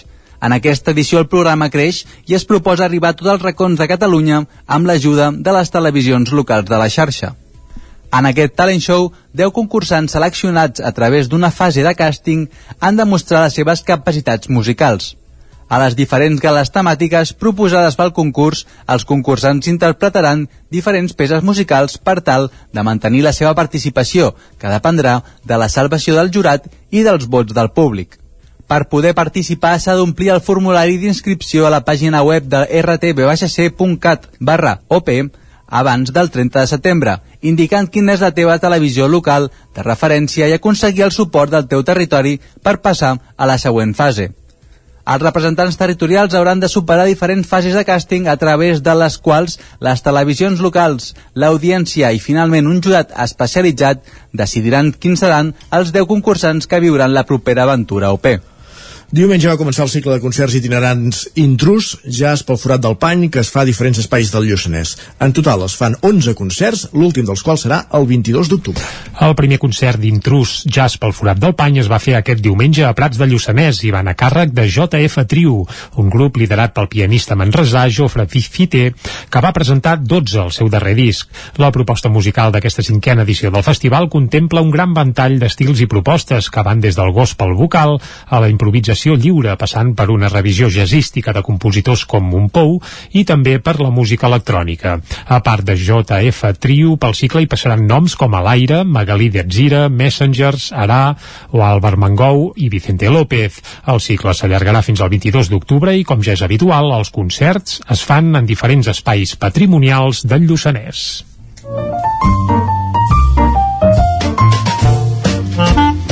Casa Terradellos us ofereix el temps. I quan passen 11 minuts de les 10, com sempre, acabem el bloc informatiu coneixent la previsió meteorològica. Correcte. Uh, Manel Dot ja ens ha avançat que avui i demà una mica de treva, després s'ha de complicar el tema, però en Pep Acosta, que ens porta la meteo al dia, cada dia, ens ho afinarà un pèl més. Pep, bon dia de nou. Hola, bon dia. Fa molts mesos ja que tenim aquesta calor instal·lada um, i no, no sembla, no sembla que tingui desaparèixer a curt termini, eh? ja fa, fa massa, eh? jo crec que ja fa massa, ara sí que s'està passant ja, s'està passant i no, no hi ha un canvi de tendència, no hi ha un canvi de tendència eh, de moment per enlloc. Avui eh, serà un dia semblant al d'ahir. Eh, em pensava que hi havia més tempestes ahir, al final hi va molt poques, Uh, no, no, no, no hi ha manera de solucionar aquesta sequera tampoc. Uh, sí que han anat fent tempestes cap a la zona de, sobretot del Ripollès. Mm, però no, no, no, no una manera de solucionar aquesta sequera molt important també mm, en definitiva un estiu jo diria per oblidar eh, per oblidar eh, en tots els sentits L'única cosa positiva és que no hem patit cap foc important a les nostres comarques, que hem tingut moltíssima sort, perquè tal com estava tot, hagués pogut ser un, un foc eh, eh, realment enorme. Per tant, hem tingut moltíssima sort.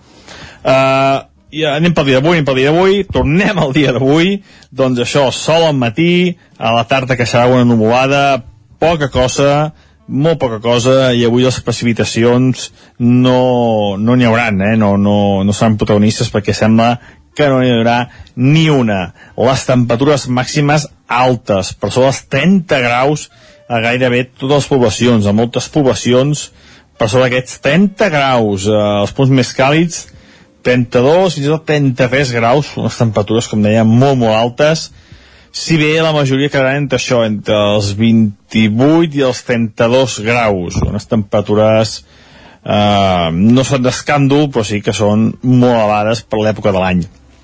I de cara als pròxims dies, continuar el mateix panorama, no es veu cap gran pertorbació per enlloc i, i no hi ha una solució la sequera immediata. Mm, Anirem veient dia per dia, però fa molt mala pinta, molt mala pinta.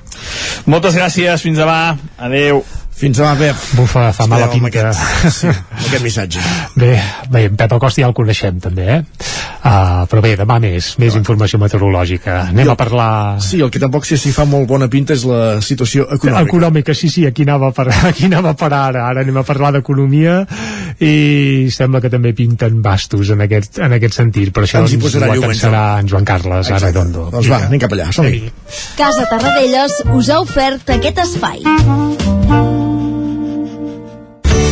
Territori 17. Envia'ns les teves notes de veu per WhatsApp al 646 079 023. 646 079 023. WhatsApp Territori 17.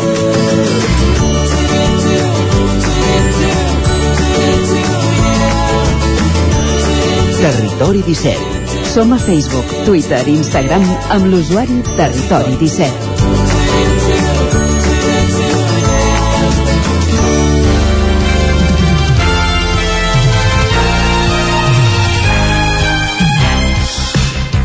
Doncs un quart clavat d'11 del matí, moment de parlar d'economia al territori 17 i ho fem com cada temporada, com cada dimarts amb en Joan Carles Arredondo el cap d'economia del 9-9 del Vallès Oriental. Vam acabar l'estiu amb una inflació desbocada, això no ha variat. Portem dos mesos d'estiu amb l'atur eh, a l'alça, això a nivell local, i també rebem notícies com, per exemple, que, que Rússia talla l'aixeta del gas cap a Europa. En fi, un conglomerat important per començar la temporada i des del punt de vista econòmic, molts inputs per, per valorar. Joan Carles Arredondo, bon dia. Bon dia. Pinta malament, sí. Pinta malament, eh? Sí, sí, el, el temps pinta malament, l'economia pinta malament, no sé, hem tornat... Eh, aquesta, aquesta cançó del, fi, del final de l'estiu, eh? eh, Sí. Que és tan, tan melancòlica i doncs eh, realment sembla que tingui una mica d'aplicació, eh? Va, com ho redrecem, això? Explica'ns-ho. El tema ha estat que hem tingut uns hotels, eh, que aquest estiu se- semblava que no, que no passava res, no? Hem tingut hotels plens i fins i tot fins al punt que els operadors turístics i els hotelers eh, han, han reduït les habituals queixes. Eh, Acabar-les del tot no, eh? perquè diguem-ne és un sector que, que té tendència sí. eh, a queixar-se sempre, eh, però, però diguem-ne que més o menys semblava que hi havia alegria, no? I tot semblava que de color rosa, però mentrestant, no? Eh, el- hi ha hagut el fantasma de la inflació eh, desmesuradament alta i el fantasma és que sigui persistentment alta, no? I està, diguem-ne, apareixent cada, cada vegada que hi ha una presentació de, de registres de- d'inflació, estem veient el doble dígit, això que semblava que no passaria mai quan estiguéssim a l'euro, Sí. etc. doncs, eh, doncs sí, està passant. Eh? Diguem-ne que com, com, com diem moltes vegades eh, citant el Mark Twain, la història no, es, la, la història no es repeteix però rima, eh? doncs eh, aquí tenim la rima eh? d'una inflació molt alta. Um, L'estiu ha estat un parèntesi, eh, semblat, però com, com, diu el conte més curt de la història, eh, quan es va despertar el dinosaure, que en aquest cas és la inflació, encara, encara, encara estava a l'habitació, eh, diguem-ne. Uh, la lletra d'aquesta cançó del final de l'estiu ha canviat i també ho ha fet l'intèrpret, no és el duo dinàmico, anava a dir afortunadament, Sí. però eh, en aquest cas va ser el president de la Reserva Federal dels Estats Units qui es va encarregar de donar per acabat aquest estiu que semblava eh, que tot havia tornat a la normalitat. Jerome Powell, que així es diu el senyor, eh, el president de la Reserva Federal, va admetre que les mesures que té previst executar la institució que presideix, que és la institució que dicta la política monetària dels Estats Units, i en conseqüència la que marca les tendències del que passarà en els bancs centrals, com a mínim els d'Occident, no? per tant el Banc Central Europeu, eh, que és el que ens afecta a nosaltres, eh, causaria dolor a la ciutadania. Caram. Gràcies, senyor Eh, Powell. Sí, no, diguem-ne que va posar la injecció sense, sense ni preguntar, eh? Sí. Eh, se suposava que s'implantaven mesures per evitar el dolor que suposa una inflació persistentment instal·lada en el doble dígit, eh? Vull dir, però aquí el que, fem, el que fem és, la recepta és aplicar dolor sobre el dolor, que jo ja gairebé diria que això ja és sadisme, eh? Uh, aquesta recepta és més dolor en forma de retrocés econòmic. El, el dolor que, al qual es refereix el, el Jerome Powell és eh, retrocés econòmic eh? i més desocupació. Molt bé. Eh, per tant, mm, la pregunta que suscita tot això és um, si un president d'un banc central, de, en aquest cas la Reserva Federal és el Banc Central dels Estats Units, eh, seria l'equivalent, sí, sí. té el dret a decidir en nom de la ciutadania quin ha de ser el dolor preferit. Eh? Uh, si hi ha una cosa dolorosa, que és la inflació, i una cosa dolorosa, que després explicarem per què és dolorosa, um, com, a, com a recepta, el que seria lògic, uh, i sobretot en temps de, que, que, que tant es parla de governança, etc, seria que la ciutadania tingués dret a decidir quin és el dolor que prefereix. Eh? Però no, aquí sí. el que, aquí el que s'ha decidit és infligir el dolor el dolor s'infringeix pujant, apujant tipus d'interès. Eh? Vinga. Uh, I això és una estratègia de posar tipus d'interès tan elevats que frenin el consum i les inversions de les empreses. Menys consum vol dir que les empreses produiran menys, menys inversions vol dir que les empreses tindran menys estratègies de creixement. I més llocs de treball. I tot això porta a un risc de recessió. De fet, als Estats Units eh, ja ha tingut creixements negatius. Eh? Mm -hmm. eh, per tant, efectivament, com que les empreses no podran produir tant com produïen i no podran invertir, no es faran grans contractacions de treballadors i per tant és el més fàcil de preveure és que creixi la desocupació. Tot això es podria veure que ha passat a, a, a Catalunya, per exemple, en aquests dos últims mesos de, ju de juliol i agost. Eh, no és exactament per la pujada de tipus d'interès, eh? les pujades de, de, de l'atur al mes d'agost eh, són, són habituals. Eh? Sí, això és cert. Acaben moltes contractacions, no hi ha casals d'estiu, per exemple, és a dir, jo, jo ho emmarcaria més en això que no pas encara en el, en, en el clima recessiu que pugui provocar la pujada de tipus d'interès. És a dir, això potser ho haurem d'interpretar, no sé si el mes de setembre acostuma a ser un bon mes, eh, però potser a l'octubre-novembre començarem a veure si efectivament les pujades de tipus d'interès, perquè és bastant fàcil preveure que, que aquest dijous eh, que es reuneix el Banc Central Europeu hi haurà una altra puja, ja es veurà en, en quina mesura, eh? Uh -huh.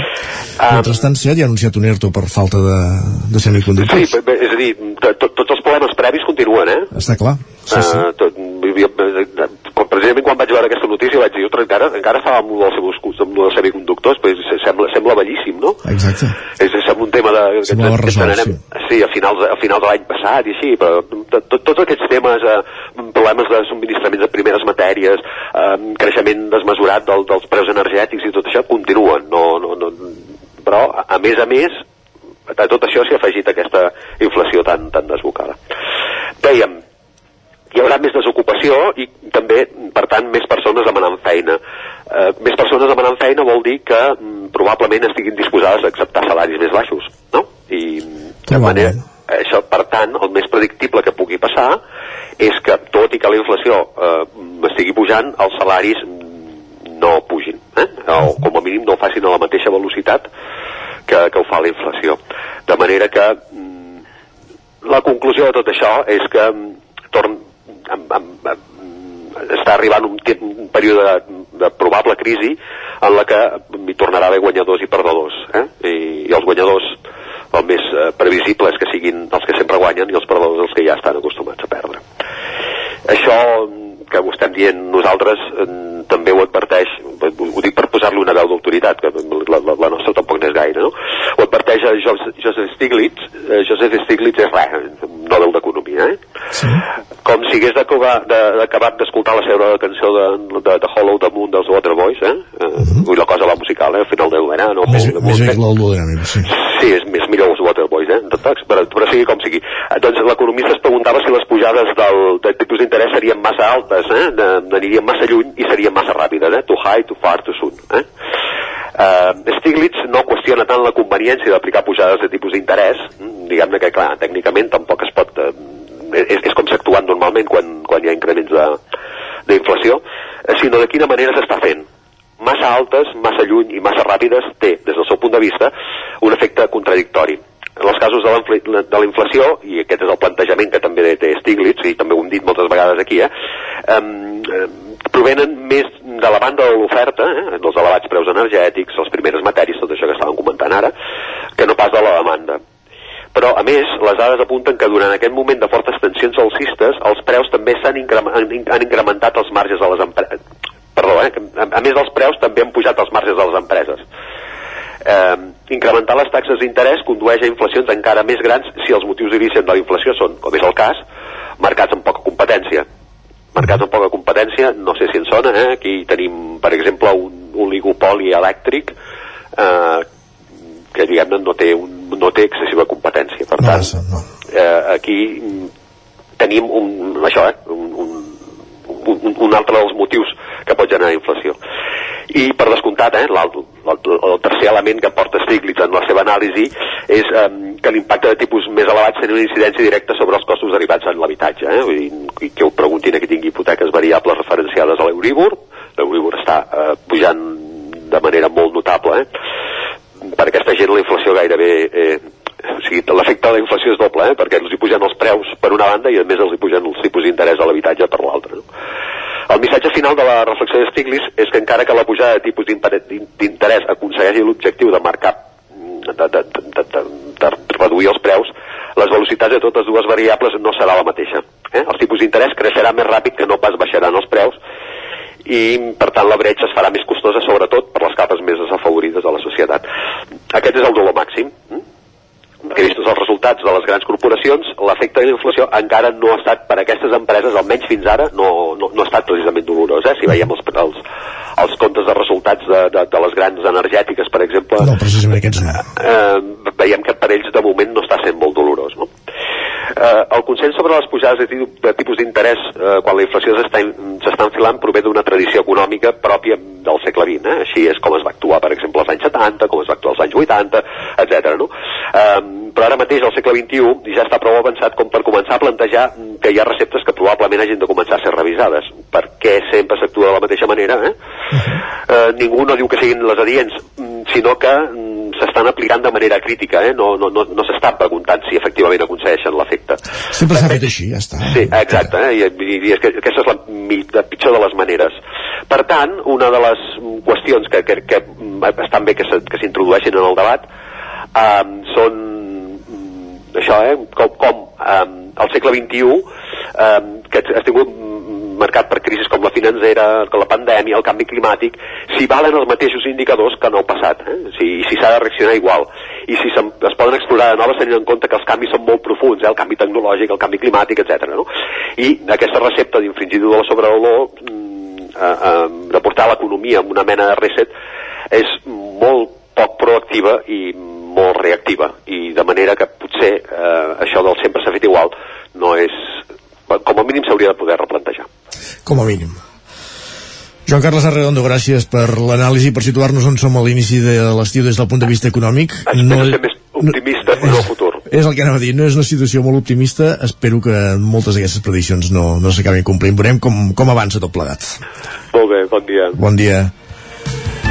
I el que sí que avança tot seguit és el territori 17. Arribem al punt de la pausa, 3 minutets i tornarem amb la traca final, amb la recta final.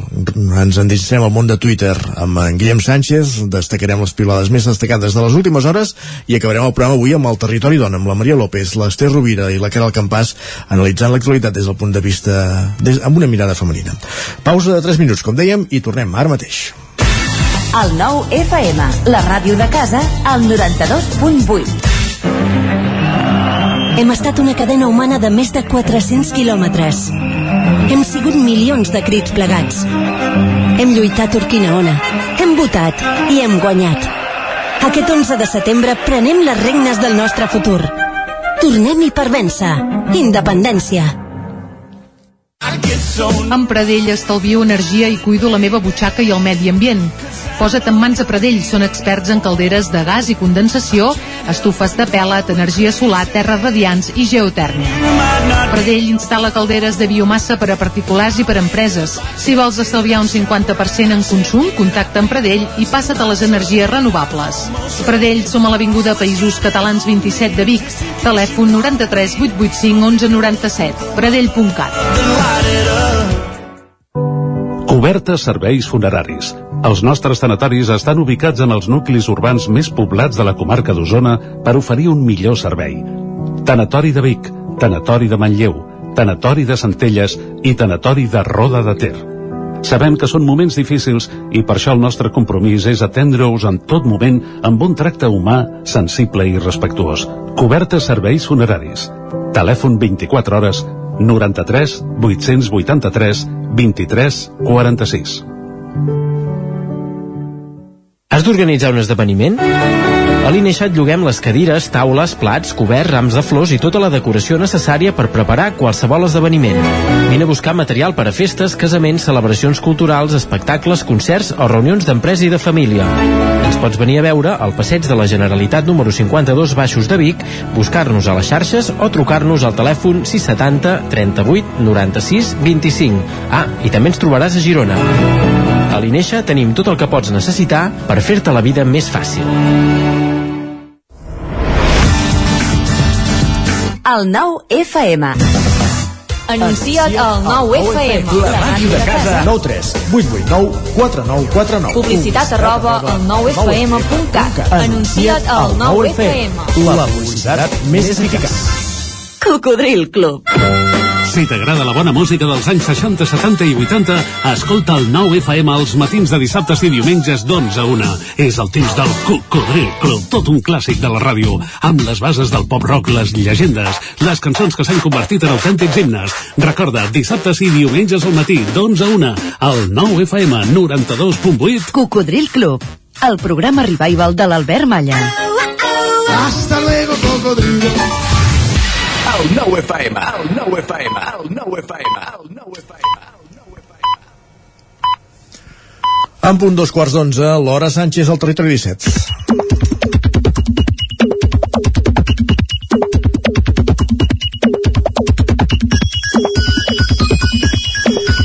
Doncs ahir començàvem el curs a dos quarts d'onze amb en Guillem Sánchez, avui repetim, tot i que no ets alumne d'ESO, eh? No, ja l'hem que això passat. serà demà, eh? Ja l'hem passat, ja l'hem passat aquesta etapa. Superat, superat. Superat. Molt bé, molt bé. Uh, va, capbussem-nos a les piulades, per on van els trets avui? Doncs va, avui comencem parlant del temps. Recordeu que ahir us demanava pel tema dels meteoròlegs si us en enfiàveu o no? Avui tenim un programa molt meteorològic, eh? perquè a part d'en Pep Acosta, que el tenim cada dia, també ens ha acompanyat en Manel Dot, ens agrada parlar del temps, eh? també ho hem de reconèixer. Doncs mira, uh, vinga, sumem-hi més, més, més, més material doncs, al tema meteorològic. Va, Va, l'Anna que ens diu els de la setmana que ve ja comença a refrescar, comencen a sonar uh, dues setmanes més i s'aixeca el toc de queda. Fa molta calor encara, eh? Fa molta calor I a encara més, deixa'm dir que fa molta xafogor, perquè les xafogor. humitats són molt altes i la sensació de calor és bestial. Jo vaig passar aquest estiu amb temperatures per sobre dels 40 en algun racó del món i ni suava. Aquí estàs a 30 i vesses, Ja estàs regalimes, és ja estàs terrible, sí. Va, qui ha estat a punt de fer-se milionari i de poder solucionar una mica més la seva vida és en Xevi, que ens ho explica a través de Twitter. Ens diu, si arribo a jugar 15 milions a la Quiniela, ara en tindria 208, però només duia un euro i mig a sobre, hosti. Ara, pla, com s'entén això? Uh, És que devia guanyar alguna cosa, però no hi va poder apostar tot el que potser Mm. hagués volgut, que li hauria permès guanyar 208 milions de- d'euros. potser 208.000 euros. Les quinieles no són el que eren, eh? Però vaja, no sé, no sé, escolta, per, per premis que no I quedin. tant. Va, i entrem en el capítol automobilístic i de transports molt d'acord amb el que ens escriu la Marta, que diu això de donar les gràcies als cotxes que per fer el que han de fer, deixar-te passar el pas de vianants, és una cosa que podríem haver inventat perfectament els catalans. I estic molt d'acord. Jo sóc dels que encara dono les gràcies. Quan algú es para en un pas de vianants... Bé, cal ser agraït, cal ser agraït. Cal ser agraït. Va, I, I més si evites que t'atropellin, clar. sí. I subscric també al 100% el que ens diu aquesta usuària, no sé si us ha passat mai. Ens escriu, no lloguis mai un cotxe millor que el teu, fa molta pena tornar-lo. Home, si no tens més remei, jo aquest estiu em vaig llogar un molt millor que el meu i no em va fer cap pena tornar-lo. Que et quitin el bailat. Exacte, exacte. Sí, sí, Va, sí. però aquella, aquella setmana amb un cotxe allò amb una, que tira una mica més o que té una pantalla aquí o no sé què, això sempre, sempre es posa bé. Sí. Però llavors et distreus, eh? Amb la pantalleta. Va. I quan aprens a conduir és quan l'has de tornar, que això també és un altre tema. Va, la gent jove sap del cert que un bon sofregit de ceba i tomàquet pot eh, solucionar moltes coses. Ens escriuen, anava Sí? a portar a la meva filla a un restaurant i en tornar a casa fer el pastís i regals. M'escriu que marxa al cinema amb una amiga i que després venen a sopar i dormir i que volen macarrons amb sofregit casero. Tingueu fills, tingueu-los. Casolà, casolà. Uh, bé, bé, i macarrons per sopar, eh? Bé, això, això no, no, posa bé. a Res a casa són més per dinar, però s'hi val sempre. Igualment de a saber l'hora que van a dormir després. També. Ah, també, ja ho tenen paït. Va, i tal com diu l'Eric, no deixeu mai de somriure. Diu, no em canvieu les persones que són amables per la naturalesa de la meva vida. Vaig esmorzar i la cambrera em demana com em va la vida. Vaig a posar gasoil i el mateix. I vaig al cinema i la taquillera es posa a garlar amb mi. El benestar social sempre es troba en un somriure. I abans de contestar, en Martí li diu el benestar social sempre es troba en una birra. Bé. Subscriuríem les dues coses. Subscriuríem les dues. Bé, bé, no, no, escolta, uh, en una bona piulada també hi pot haver benestar social, També, per també. exemple. Eh? Va, i per acabar, només Va, un va. consell de l'Anna ens diu no banyeu els gats per l'amor de Déu. Si No, teniu gats... és un clàssic, no. No sé, jo com que no he tingut mai, mai gats m'ha sorprès molt aquest, aquest Ah, hi ha gent que els banya. Es veu que sí. Ah, sí? Ah, Volem, Diu que són molt nets, ja s'ho fan sols. volem sí, vídeos. es llepen volem, i d'allò, volem allò- vídeos de gent banyant gats. clar, Ui, banyar gossos, sí, banyar gats... És perillós, això, eh? És perillós, això. Va, la crida està feta. Si n'apareix algun, uh, Demà ho comentem. demà ho comentem. Va, ràpidament. Mirem, Vagi vinga, a dutxar gats i nosaltres fem un cop d'ull a les portades del 99.cat. Comencem pel Vallès Oriental, que ara mateix obre explicant que l'Assemblea per una escola bilingüe anuncia que denunciarà l'escola La Falguera de Vilanova del Vallès pel 25% de castellà. Eh, semblava que el tema estava enterrat, però això no s'acaba mai. També l'Ametlla del Vallès capturarà senglars amb gàbies a partir d'aquest mes de setembre i les escoles Bressol de Caldes de Montbui estrenen material per a l'estimulació sensorial amb una fotografia on es veu doncs, quin és aquest material. I ràpidament, cop d'ull a l'edició del 99.cat d'Osona i el Ripollès, que ara mateix obre explicant que seguiment massiu en la primera gran vaga de caçadors, una vaga que es va fer aquest diumenge, en que en teoria s'havia d'haver obert la veda per caçar el senglar. I també fracassa l'intent de reconvertir l'escorxador de Ribes en un centre de recollida de senglars i Osona i el Ripollès comencen el curs amb vuit centres educatius pendents d'obres. Territori 17, el 9 FM, la veu de Sant Joan, Ona Codinenca, Ràdio Cardedeu, Territori 17.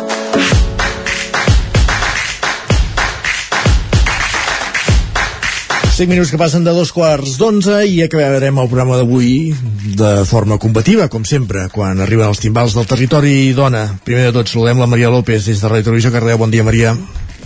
Molt bon dia, Isaac, com estem? Molt bé. Ha anat bé l'estiu? Ha anat molt bé, molt bé. És L'operació tornada, diguéssim, d'alguna manera, és dura, eh? Allò Sí, vas sí, dient els últims dies, tinc ganes de tornar a la rutina i quan tornes eh, ja, ja, està, ja se t'ha passat. Dura, dura un dia i mig, les ganes de rutina. En fi, doncs va, és el que toca. Sant Tornem-hi. Què tenim avui al territori? Sant tornem-hi.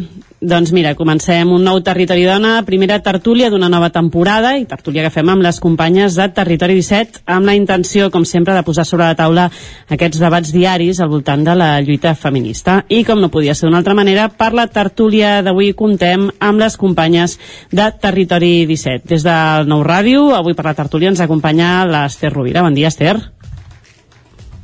Ara, aviam, ara sí, eh? Bon dia. Sí, sí que et tenim. Bon dia, Esther, com estàs? Què Molt tal bé, l'estiu? Molt bé. Molt bé. I tenim també amb nosaltres des d'Ona Codinenca la Caral Campàs. Bon dia, Caral, com estàs? Bon dia, doncs bé, bé, també, aquí rentrant amb, amb força la rutina. Molt bé, et sentim molt fluixet. No sé si és cosa meva o et sentim tots una mica fluixet. Ara millor? o què? Ens sents, Caral? Sí? Sí. Som-hi, doncs tirem, va. Uh, doncs, si us sembla, ara que ja hi són totes, uh, comencem amb aquesta nova tertúlia del Territori Dona.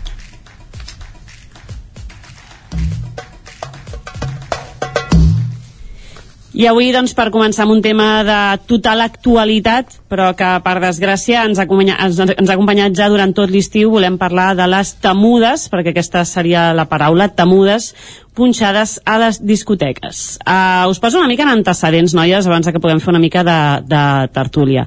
Aquesta pràctica coneguda com a, a veure si ho dic bé perquè el meu anglès és una mica així, needle speaking, aquest, bé, consisteix a punxar a una altra persona sense que ho consenteixi ni se n'adoni.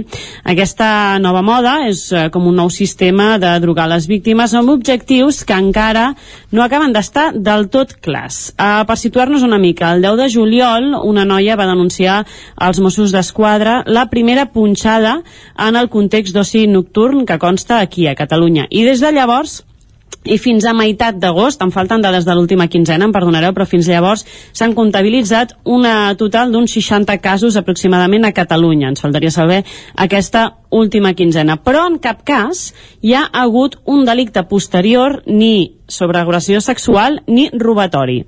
Uh, val a dir que les víctimes pràcticament totes són noies, diria que com a molt hi ha un noi, uh, però en cap dels casos hi ha hagut això, ni agressió sexual ni robatori. Això obre molts interrogants sobre les raons per les quals es realitzen aquestes punxades, però el que està clar és que es tracten d'agressions masclistes, sexistes, que van dirigides principalment uh, i en pràcticament seva totalitat contra dones i intimidatòries, que el que sí que estan fent és que les dones no se sentin còmodes en espais d'oci nocturns. De tots els casos denunciats a Catalunya, principalment han estat a Lloret de Mar i Barcelona, però no només en aquests municipis, no en tots es va considerar necessari activar el protocol que implica recollir mostres per veure si s'ha injectat alguna substància o s'ha transmès alguna malaltia. Tots els plantejaments estan oberts, des de que se'ls administrés un medicament fins a la idea que les punxades busquin espantar simplement les dones de l'oci, però en aquest cas no sabem quina és la raó final. El cas és que amb diversos antecedents en altres països tampoc s'ha tret l'aigua clara sobre quin és aquest objectiu final. Uh, sé que vosaltres també heu estat investigant uh, sobre el tema, però precisament ara que parlàvem d'aquests antecedents, Esther, uh, sé que la cosa ve de fora, oi?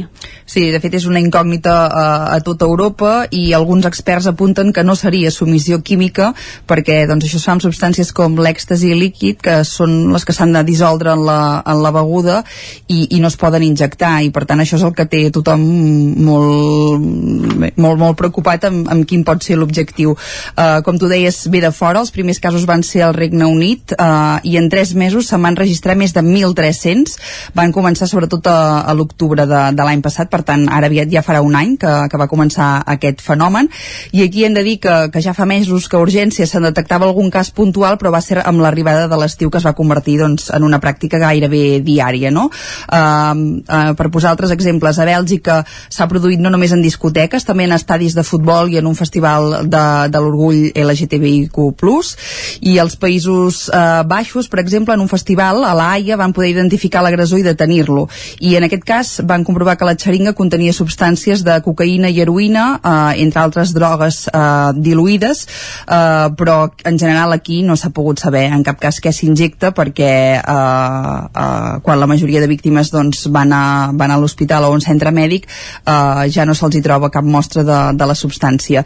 El que es pensa en general és que sol, haurien de ser xeringues xeringues petites com les de l'insulina eh, perquè si no amb una més grossa com les que ens posen les, les vacunes per exemple eh, tu de seguida notaries no, la, la punxada i, i les víctimes a vegades tarden una estona eh, a adonar-se'n eh, per tant és una problemàtica eh, generalitzada no només eh, a casa nostra i això i amb, i amb, tant amb experts com amb cossos policials treballant-hi i encara ningú eh, acaba de saber què és el que mou uh, aquesta pràctica més enllà del que, que és molt evident és que, com deies tu Maria, és una agressió masclista perquè va dirigida claríssimament contra les dones amb voluntat d'intimidar-les, no?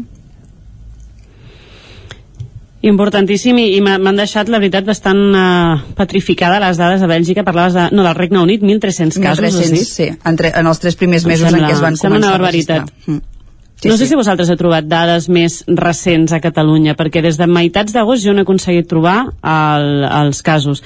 Tinc la sensació, potser malament, eh, però que, que això es deu haver disparat, perquè si principis d'agost, eh, us podria dir el 6-7 d'agost hi havien 23 eh, denúncies interposades, una setmana més tard hi havien 60 sospito que en la segona quinzena el tema deu haver crescut bastant, però sí que és veritat que no tinc, no tinc dades, dades clares. Jo tampoc les he Ah, trobat. no, oi que no? No. És, és, vull dir, hi ha com, una, com un silenci de cop uh -huh. que, que costa, costa trobar aquesta xifra, però si en una setmana el tema es va triplicar, no vull saber què va passar la segona quinzena amb, amb plenes vacances i amb l'oci a, en els seus màxims, diguéssim, de, de l'estiu. En qualsevol cas, i abans de fer també una mica de tertúlia, Caral, eh, crec que és important que puguem explicar també a la gent que ens està sentint què fer o com actuar en cas de sentir una punxada d'aquest tipus. Sí, uh, bé, buscant una mica d'informació és, és senzill trobar diferents uh, portals i espais on, on en parlen i expliquen de, de què cal fer en cas de, de rebre doncs, això, una punxada o algun tipus de, de submissió com, com seria el fet de, de posar doncs, uh, algun tipus de droga al got. Jo us parlaré concretament de què fer en cas de, de rebre això una punxada tant de bo també dir que no s'hagués d'explicar uh, això no? i que el focus el poguéssim posar exclusivament als, als perpetradors d'aquestes violències. Uh, però bé, desgraciadament la, les dones hem de saber com actuar en cas de trobar-nos a una situació així.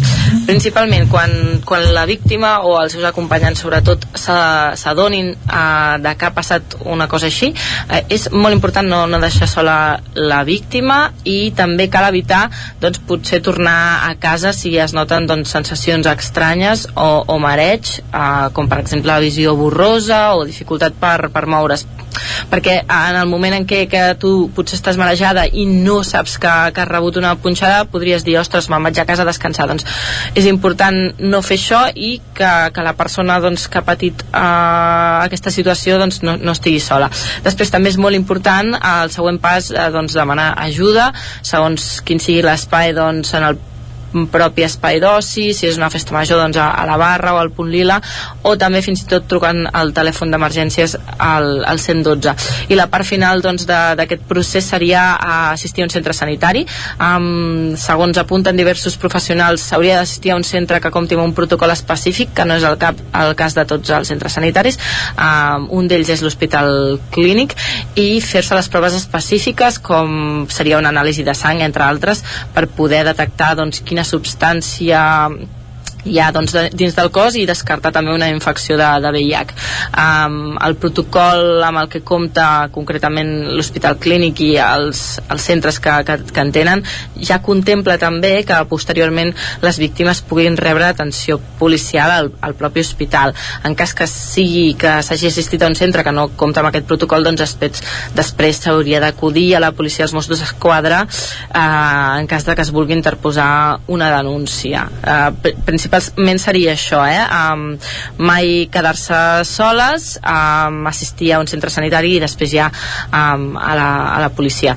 Um, també volia comentar que a nivell global, quan tots ens movem en espais d'oci nocturn, cal que estiguem alerta, a tots, tant grups d'amics com d'amigues, i fins i tot els que podrien ser els propis companys de l'agressor, no?, De- d'estar al cas, eh, i que important doncs, que tothom sigui conscient que hi hagi una consciència col·lectiva d'aquest tipus de, de situacions i estar, estar alerta.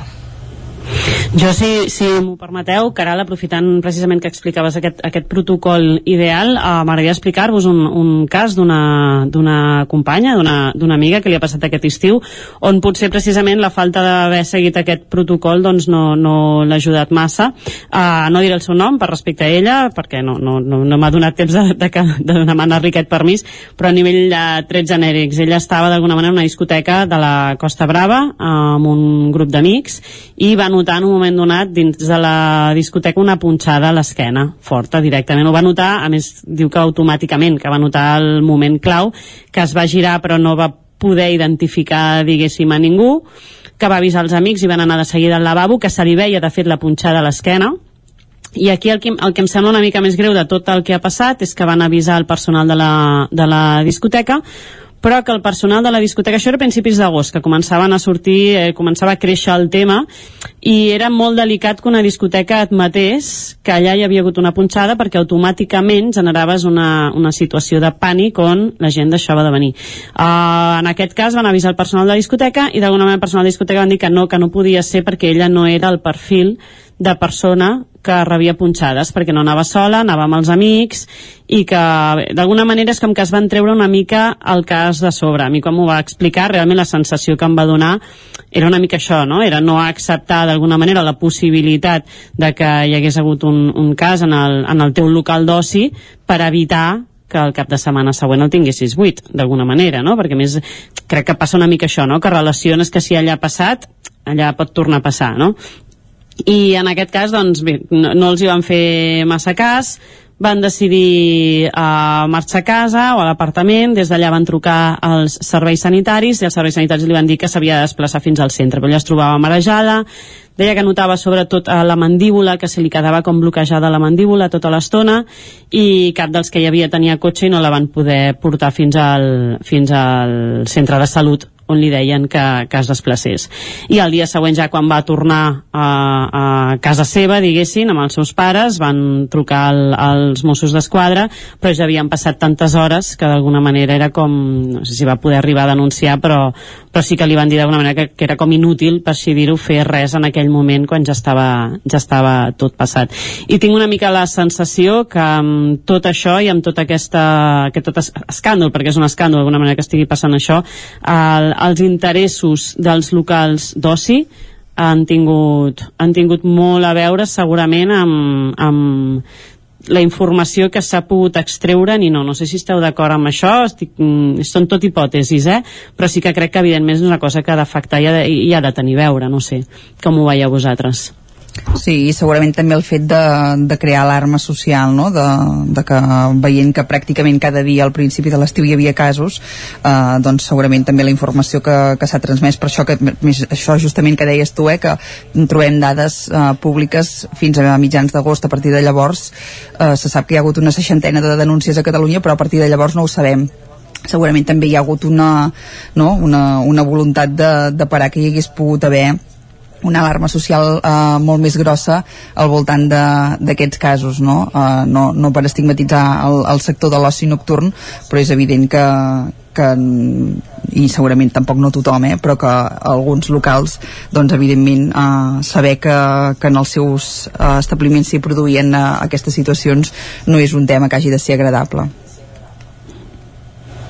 Sí, el, en el cas potser de, dels espais de, de festa major o pot, potser és un, o, o de festivals segons quin mm, potser és una mica diferent, no ho sé en el cas de registrar eh, dades o xifres, però sí que, per exemple, mm, jo aquest estiu he estat a, a un festival de, al Vendrell eh, i bé, allà mm, el personal de seguretat i també vaig poder presenciar en algun moment, no que em passés a mi, però al meu voltant doncs, veure alguna noia que es queixava d'actituds de d'homes uh, i en un, en un cas vaig veure com feien fora aquesta persona de, de l'espai llavors um, això ho deia perquè en el sentit de, de, dels punts lila no? Uh, que, aquesta, aquesta figura que, que, bueno, aquest espai que, que ha aparegut doncs, els últims anys que en moltes festes majors doncs, s'incorpora doncs, bueno, en el cas per exemple aquí a Sant Feliu de Codines n'hem parlat al butlletí que, que hi serà i en gairebé jo crec que totes les festes majors hi és uh, és un espai doncs, on, on això en principi et pot arribar a donar més seguretat tot i que doncs, les festes majors són en espais públics en, en carrers i places eh, i no en un local però jo crec que, que bé, que és, que és molt positiu i que, i que segurament té, té a veure en, en, en poder-se sentir doncs, això més segurs i, i poder tenir més, més eines a la mà i més recursos a prop clar, en, en discoteques eh, que jo sàpiga no, no hi ha un espai com a tal que sigui punt lila però, però bé, segurament s'anirà caminant cap aquí, esperem eh?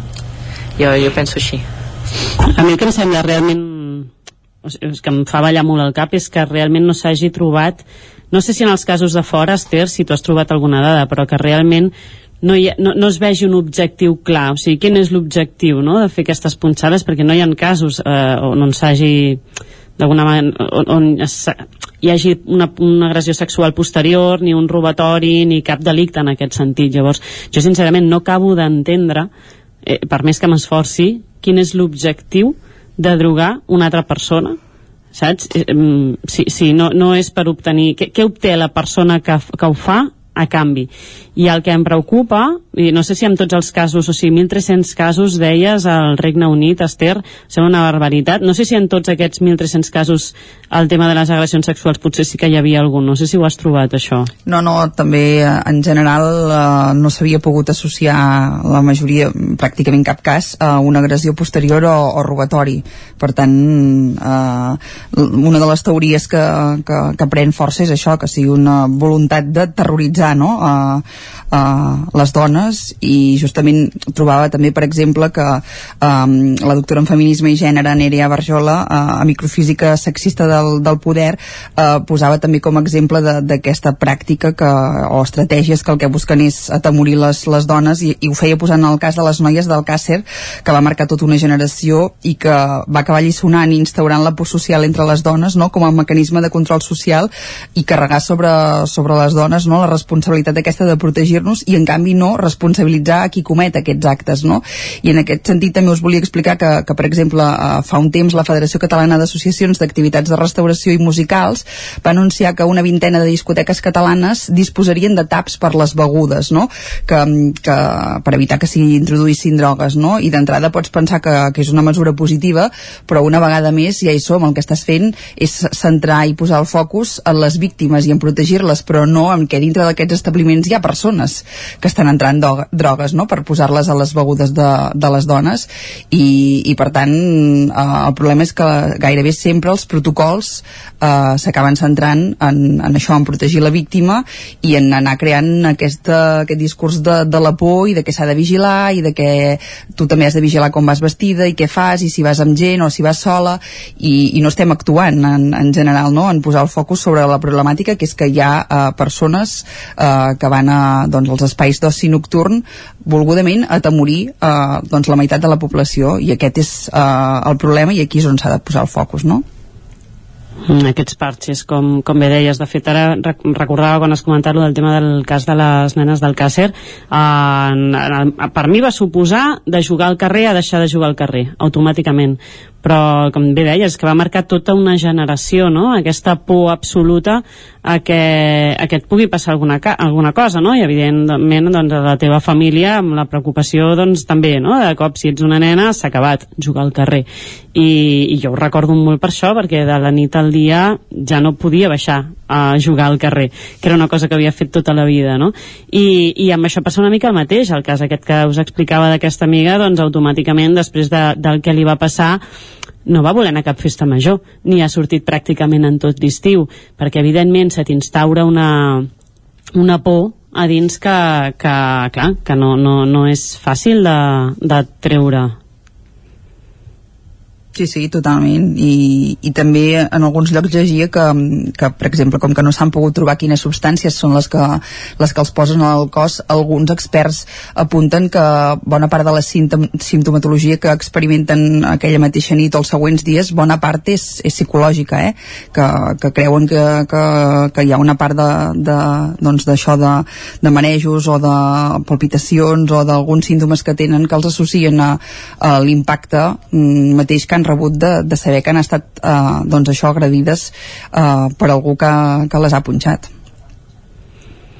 a més, segurament les dates també deuen tenir tota la intenció del món, no? Que això passi... No sé si el, el Regne Unit, el període, també coincidia amb temps d'oci màxim, amb, amb així, perquè els primers casos aquí van sortir, si no m'equivoco, finals de juliol, em sembla. Sí, a, a, a, a mitjans de juliol o així van començar a sortir, sí. Mm. Sí, sí, el 10, el 10 de juliol, perdona, posava el, el primer cas, la, la primera denúncia.